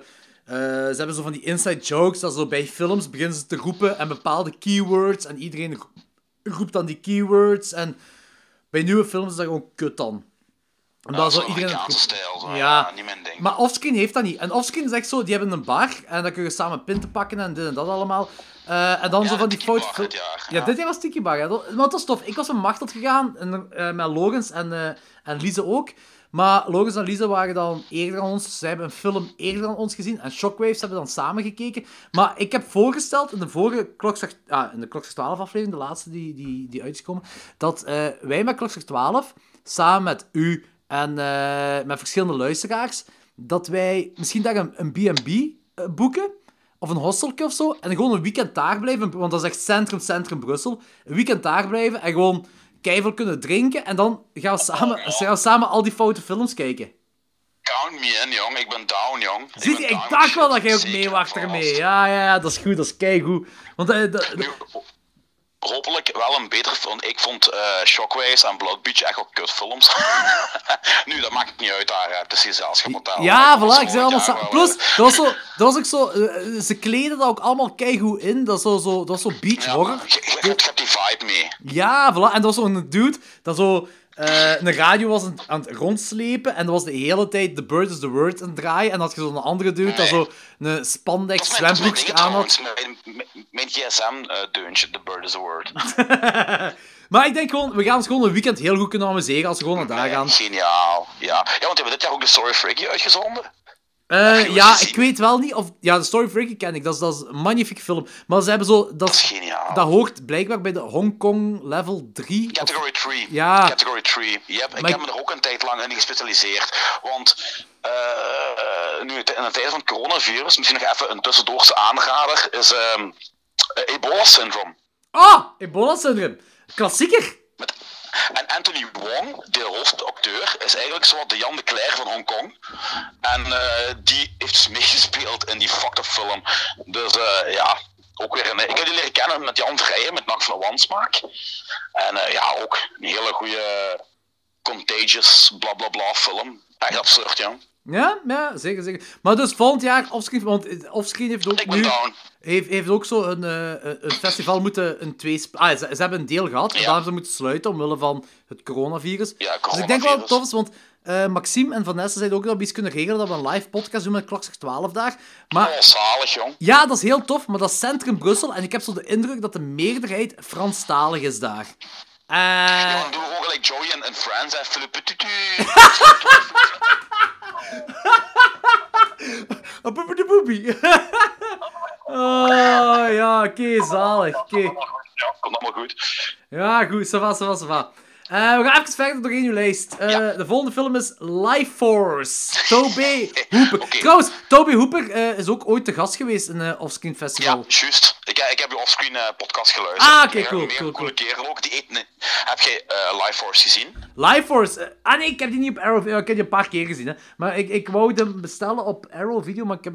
Ja, weet je, het gaat over naakte vampieren uit de ruimte. Nee, nee, het gaat, dus, het gaat verder dan dat. Hou je vast, hè. Eh, wacht, hè. Maar ik heb hem Eh, gezien, hè, Anthony. Ja, maar voor de luisteraars, Ah, oké. Er is een komeet. Maar wacht, wacht, wacht, stop even, stop even, stop even. Ja. Als je zegt, de film gaat over naakte vampieren uit de ruimte, dan heb je toch je publiek mee. Dan heb je eigenlijk... Ja, en het feit dat er de beste tetten ooit in voorkomen. en dat Patrick motherfucking Stewart meedoet. Ja, maar wacht, wacht, wacht, wacht, wacht, wacht. Want dat staat ook tussen haakjes bij u. Vampieren, zombies, Engeland naar de kloten, beste tetten ooit en Patrick motherfucking Stewart. Ja, dat vat eigenlijk heel die film samen, hè. Niet? Vind ik ook wel, vind ik ook wel. Want ik, ik, zag, ik, ik herinner me die film eh, al- als kind in de videotheek, zag ik die tape. En die tape, dat was die, die hoes, die sleeve, was gewoon een, een soort raket waar een of ander vrouwmens op vastgewonden was. En dan denk je van, hé, wat is dat? En ik had altijd links laten liggen. Op een bepaald moment heb ik die toch eens per toeval gehuurd. Ja, ik dacht van, what the fuck, daarop ben ik aan het kijken. Dit is zo geniaal. Dit is echt, allee, ja, ja niet. Allee. Ja, maar dit, is, is niet slecht gemaakt of zo. Hè. Dit is echt...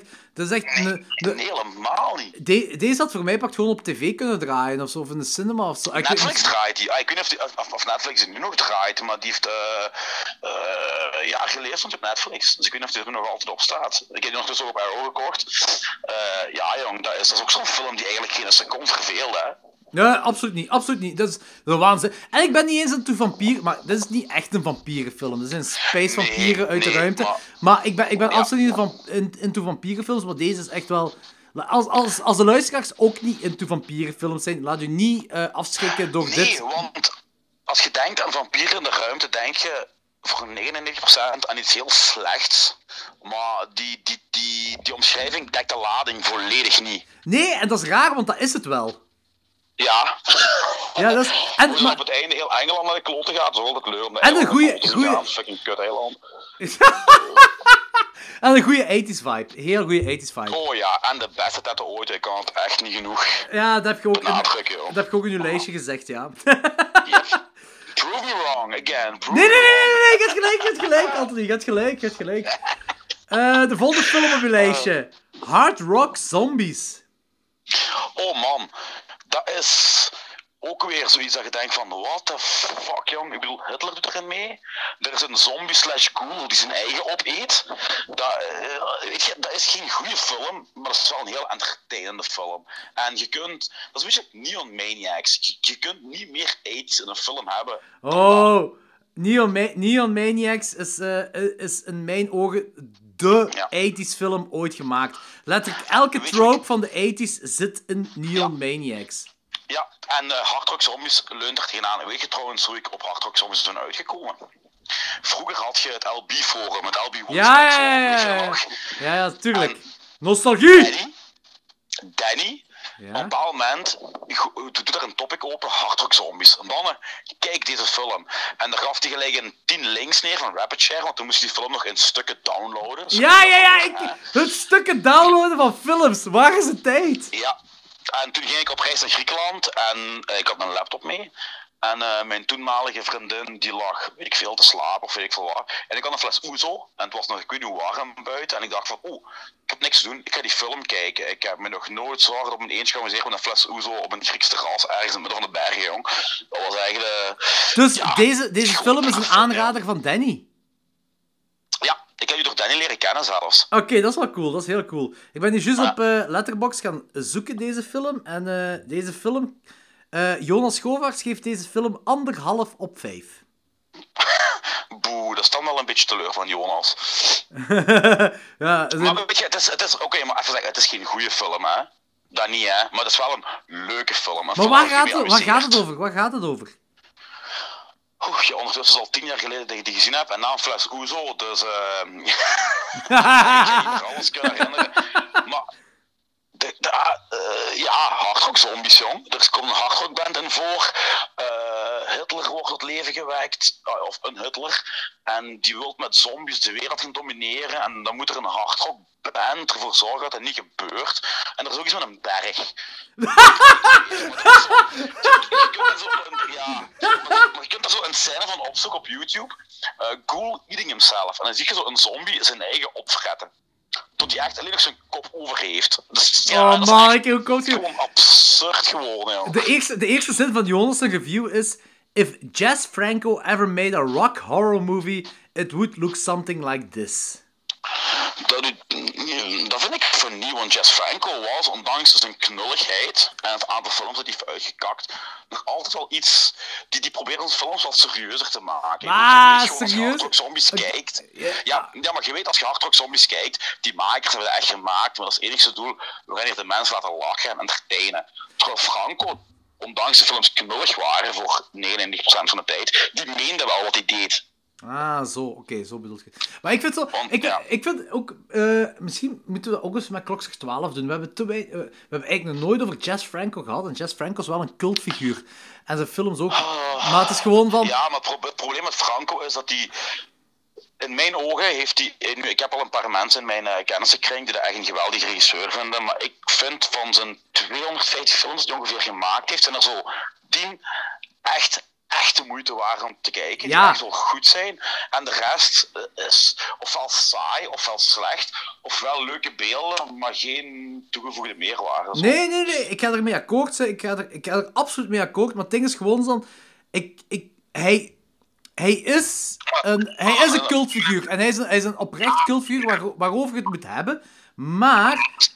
Lukt op de horror, dus eh, daar niet van. Maar, ja. Wat, wat zeg je? Sorry, wat zeg je? Hij, hij heeft wel iets te betekenen gehad in de, in de historiek van de cinema. Ja, voilà, dat wil ik zeggen. Maar zelfs die tien films wat jij zegt, eh, dat, dat zou oprecht kijkbaar zijn, dat, dat, zelfs voor Danny gaat dat niet kijkbaar zijn. Ik denk een Bloody Moon wel. Bloody Moon is oprecht een goede film. Die is niet supergoed in beeld gebracht, maar het is wel een hele entertainende en goede film. Kun je gezien, Bloody Nee, Moon? Bloody Moon, eh, Bloody Moon zegt me niks. Dat weet ik niet, dat weet ik niet. Wat gek, jong. Cirkelzagen, incest, eh, disco, eh vrouwen die aan het dansen zijn in Spanje. Ja, echt wel een, een, een goede, een, een, een iets wat aparte slasher, maar echt wel leuk. Ja, ik had zo bijvoorbeeld White Cannibal Queen gezien. Maar ik, ik weet zelfs niet of dat van hem is, maar hij, hij had er wel iets mee te maken. Ik denk wel, ik denk wel dat hij de regisseur daarvan is. Maar, maar dat, is zo, dat is zo cheap, dat ziet er zo cheap uit, dat je denkt dat ze Als je gewoon zo... 150, 150 films uitkakt op 40 jaar tijd, dan kan het niet anders dan cheap zijn, hè? Maar ik, ik, ik wil wel eens, ik wil, ik wil eens gewoon iets doen rond Jess Franco. En misschien gewoon, eh, gelijk we de Rio Cinema aflevering hebben gedaan, wat een slechte kwaliteit is, dat we zo een Jess Franco aflevering doen. En gewoon een hoop films bij elkaar smijten en kijken what's the best of the best. En het daarover hebben, want die kerel, die kerel heeft veel betekend wel. Daarom. Dat is feit. Ja, dat is waar. Dat is waar. Eh, ja, en de, de laatste film eh, op uw lijstje, Anthony. The House That Jack Built. Eh, en Oh, de, man. de is in, in uw Facebook-post geschreven als T-H-E met zo'n streepje. Ja, echt dat doet mijn de autocorrect house that- altijd. Dat doet, nee, nee, dat doet, dat doet mijn autocorrect altijd op mijn smartphone. Die maakt er altijd T van. Ah, oké, oké, oké, Dat heeft niks te betekenen. Dat heeft niks te betekenen. Ik bedoel, die film, eigenlijk is die film gewoon Dante's Inferno op een, op, op, op, op, een hele nieuwe manier geïnterpreteerd. Heel. Ja, en, en, en, en gewoon... Buiten zelfs het Dante's Inferno. Het is gewoon een hele goede seriemoordenaarfilm. Dat is gewoon een hele goede serie. Ja, gelijk gezegd, die heeft ook zo wat zwarte comedie-elementen. Ja, eh, gelijk het op en af gaan, zo, wanneer je die shot hebt van die, eh, die kamers van, de, van die hostel. En dat, dat op en af gaan van, eh, hoe heet hem weer, die eh, hoofdacteur. Eh, Eh, Matt Dillon. ja, dat, dat is Matt geniaal. Dillon. Dat is die, geniaal. die, die ook in Something About Mary heeft meegespeeld. Er zitten heel goede komische elementen in, maar die komische elementen Ja. zorgen er niet voor dat de film minder donker wordt. Nee, helemaal niet. Want zeker gelijk die scène dat die, ehm, die vrouw met die twee kinderen, Ja? zonder een spoilers te Ja, ja. dat is, Mm. langs de ene kant is dat De jachtscène de bedoelt je? is ook heel rauw en hard, hè. Wacht, de jachtscène en toch, hè? Vind, ja. En ik vind die epiloog, Danny heeft er ook over gehad, dat vind ik echt magnifiek. Dat is puur Dante's Inferno. We- De epiloog... Het, ding is gewoon, dat is een... Eigenlijk is de film een basically een, eh tussen aanhalingstekens, een normale film. Eh, en dan heb je die epiloog, en dan gaat dat gewoon... Door die epiloog gaat heel de al de rest wat je gezien hebt daarvoor in een, Ja. eh, ander, eh, in een ander laagje, zal ik het zo zeggen. Ja. Wat ik ook vind aan die film, is dat is zo heel cinema verité gefilmd. Zo'n beetje gelijk vrai près de. Zo'n semi-documentaire stijl met die shaky hand moves en zo. Het is... eh, op een bepaald moment denk je dat je naar een registratie aan het kijken bent, niet naar een film. Snap je wat ik bedoel? Ah, 100%. Het is zo pseudo-documentaire stijl gefilmd. Ehm, ja, ik, ik vind dat ook goed, ja, mega goed. En dat is ook een van de laatste rollen denk ik, van Bruno Gans. Die in eh, De Groentegang heeft meegedaan, die Hitler speelde. Ja, ja, ja. ja. Eh, en die, die, die, die, die dialogen tussen hun, dat is puur toneel, hè? Ah, zo Ja, ja, die tussen Matt Dillon en Bruno Kans, dat is, eh, ja, dat is puur toneel. Dat is, eigenlijk, eigenlijk is dat Shakespeareaans zelfs. Het ja, ja, 100% mee akkoord, 100% mee akkoord. Dit is ook... ehm, ehm, eh, mijn favoriete film van Lars von Trier. Ja, die. Goh, ik, ik kan niet kiezen tussen Antichrist of tussen Jaws en Jack Bill, want die zijn allebei geniaal op een, op een andere manier. Maar dat zijn mijn twee favoriete films van hem. Want ik moet ook niks hebben van heel die dogma shit. Dogville, eh, Dogville. Do- Dogville, daar wil ik echt niks van hebben. Maar gelijk zo'n depressietrilogie met Melancholia en Nymphomaniac, die vind ik mega goed, waarvan Antichrist de beste is. En ik had nooit verwacht dat hij zoiets gelijk House of Jack Bill ging maken, want dat is een hele, hele andere film. Ja, andere anders, films. Ook, anders. Ook weer niet door zijn maar dat is een hele andere film. Maar dat is ook zo'n film die duurt twee uur en, en, en een half, en die verveelt ook niet, hè? Ja, maar ik, ik, ik heb uh, Nymphomaniac dinges heb ik van hem helemaal niet gezien. Dat- Ik heb echt geen idee wat, wat dat kan zijn. Maar gelijk Antichrist, Antichrist, ja, ik snap het. Maar ik vind nog zo Ja, ik- te Ja, veel. ik weet u afkeer van de freeze frame en, en het pretentieuze, maar ik vind dat in die film wel paste. Ja, ja, ja, maar ik. ik goh. Ik, ik ben helemaal mee met die film, maar ik vind nog zo dat, dat zo Lars van Trier zo te veel momentjes had van de. Ik ben Lars van Trier en jij kijkt naar wat ik zeg dat je kijkt en, eh, en je gaat dat goed vinden. En ik maak je ding. En dat waren zo iets te veel momentjes daarin voor mij. Maar hey, dat is nog een 3 op 5, dat is nog een 3 op 5 voor mij, hè? Mm. Voor mij is het eigenlijk de, bijna het perfecte film, ja. Ja, maar Antichrist. bij de meeste mensen die, waarover ik gesproken heb, die vinden allemaal een keigoede film en zo. En plus, ik vind, ik vind het heel tof dat clitorissen worden afgeknipt en, en zo van... Ik vind, dat vind ik allemaal cool, hè. Maar ik heb gewoon zo van... Ja, je, je zei het zo... Bij Antichrist had ik zo het gevoel dat Lars von Trier zo aan het pushen was voor het arthouse gedeelte om te pushen. En niet om iets te vertellen. Ik denk van niet. Ik denk dat toen echt gewoon, die zat in een depressieve periode. En ik denk dat hij zegt, nee, Lars von Trier is iemand die, die trekt zich van geen fuck iets aan. Maar mensen die Lars von Trier niet kennen, die denken dat Lars von Trier het doet om het erom te doen. Nu, die provoceert graag. Dat is een Ja, maar ja, als je hè. bekijkt, dan kun je toch wel iets van... Allee, ja... Ja, maar ik, ik, ja, ik weet het niet. Ik, vind- ik, vind, het anders bij Antichrist. Ik denk dat hij bij Antichrist echt, zo, echt zoiets had van... Ik maak gewoon een film gelijk die wil maken. En eh, ja, nu, ik ben ook wel fan van films waarin de natuur een hoofdrol speelt. Ik gebruik eigenlijk ook... In, al mijn boeken die ik schrijf, is de natuur ook een rode draad als personage. En daarom dat ik misschien daar anders naar op toekijk. Je zegt in, al, alle boeken dat jij schrijft, je hebt één boek geschreven. Nee, ik heb ondertussen al twee boeken klaar. Ik ben aan mijn vierde bezig. Ik wat? Echt? Ja, ja, ik heb, ja, ja, mijn tweede boek, dat gaat nu ehm, volgende week. Ja, normaal wou ik het eigenlijk deze week opsturen naar de uitgeverijen. Maar eh, ja, nu met heel die corona shit ligt alles plat. En dat is nu een boek wat niet zo waar de natuur een iets minder grote rol speelt, omdat ik het iets commerciëler heb gemaakt.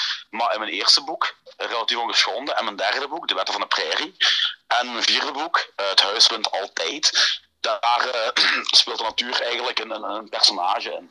Maar, Dus ik vind een beetje op. Dus ik snap van Trier eigenlijk wel. nee, oké, oké, da- daar begrijp ik het ook. het, Maar met, wacht, je hebt op dit moment vier boeken, Anthony.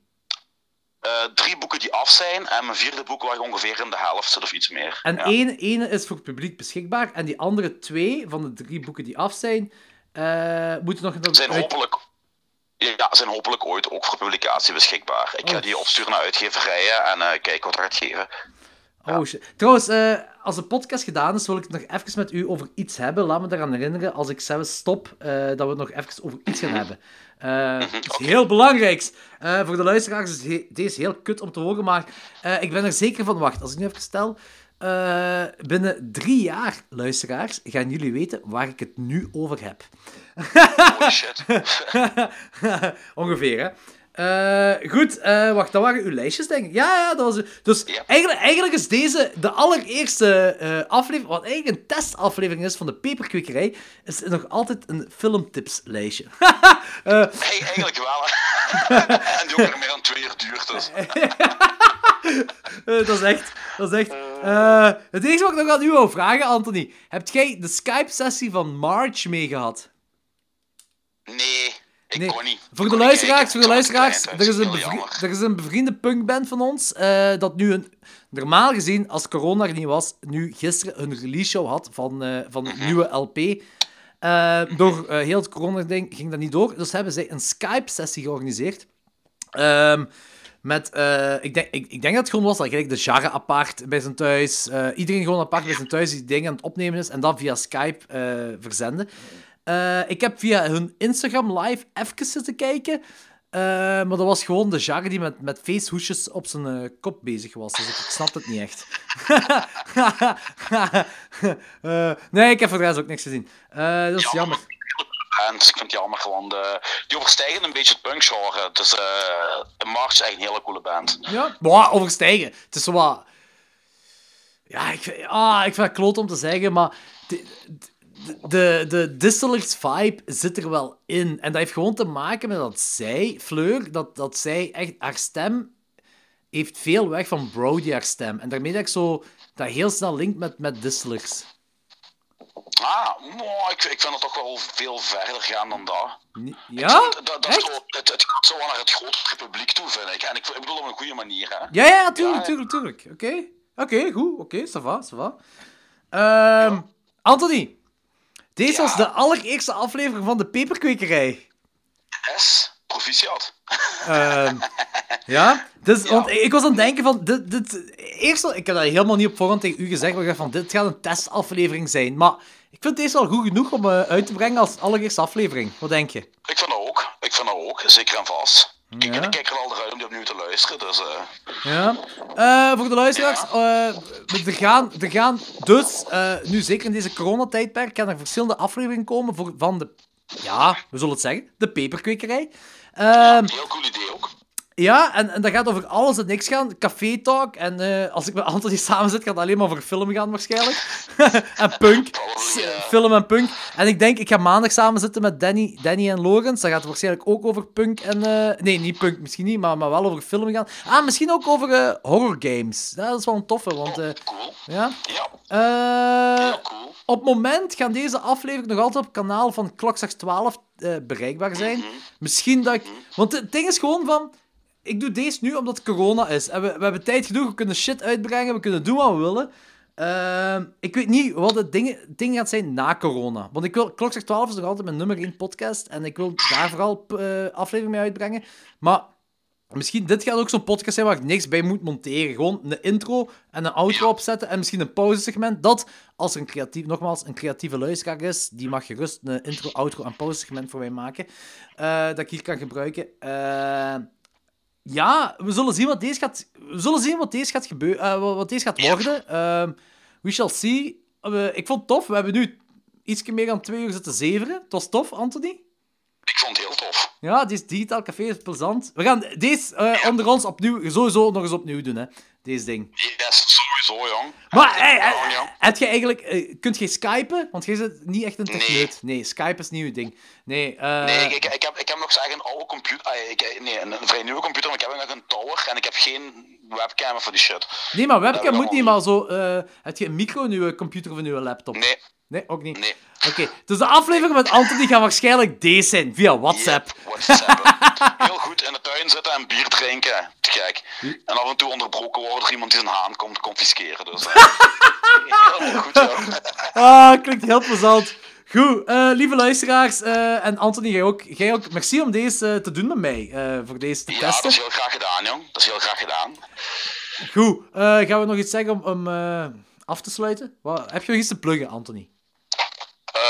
Nee, niet echt. Koop mijn boek in deze coronatijden. Relatief ongeschonden. Je hebt tijd genoeg om te lezen allemaal. Dus ja. Waarom- Ik denk... En, check Duister. Ah, dank je, dank je, dank je, dank je. En ik beloof dat ik tegen de volgende aflevering, dat wij twee ons eh, onder elkaar doen, dat ik eh, minstens de, de derde pagina gelezen heb van Relatief Ongeschonden. Heel cool. Ja. En, jij, en, jij, en moet eh, de remake van Friday the 13 gezien hebben. Ja, ga ik doen. Dus nu hebben de, luisteraar, de luisteraars al iets om naar uit te kijken. Ik dat de derde pagina van Relatief Ongeschonden heb gelezen. En jij uw mening over, uw nieuwe mening over de Ja. remake van Friday the 13 Ja, De remake. dat ga ik doen. Ja? Heel Goed. goed. Yes. Beste luisteraars, als er nog één iemand luistert, eh, dikke merci om nog te luisteren, hè. Yes. goed.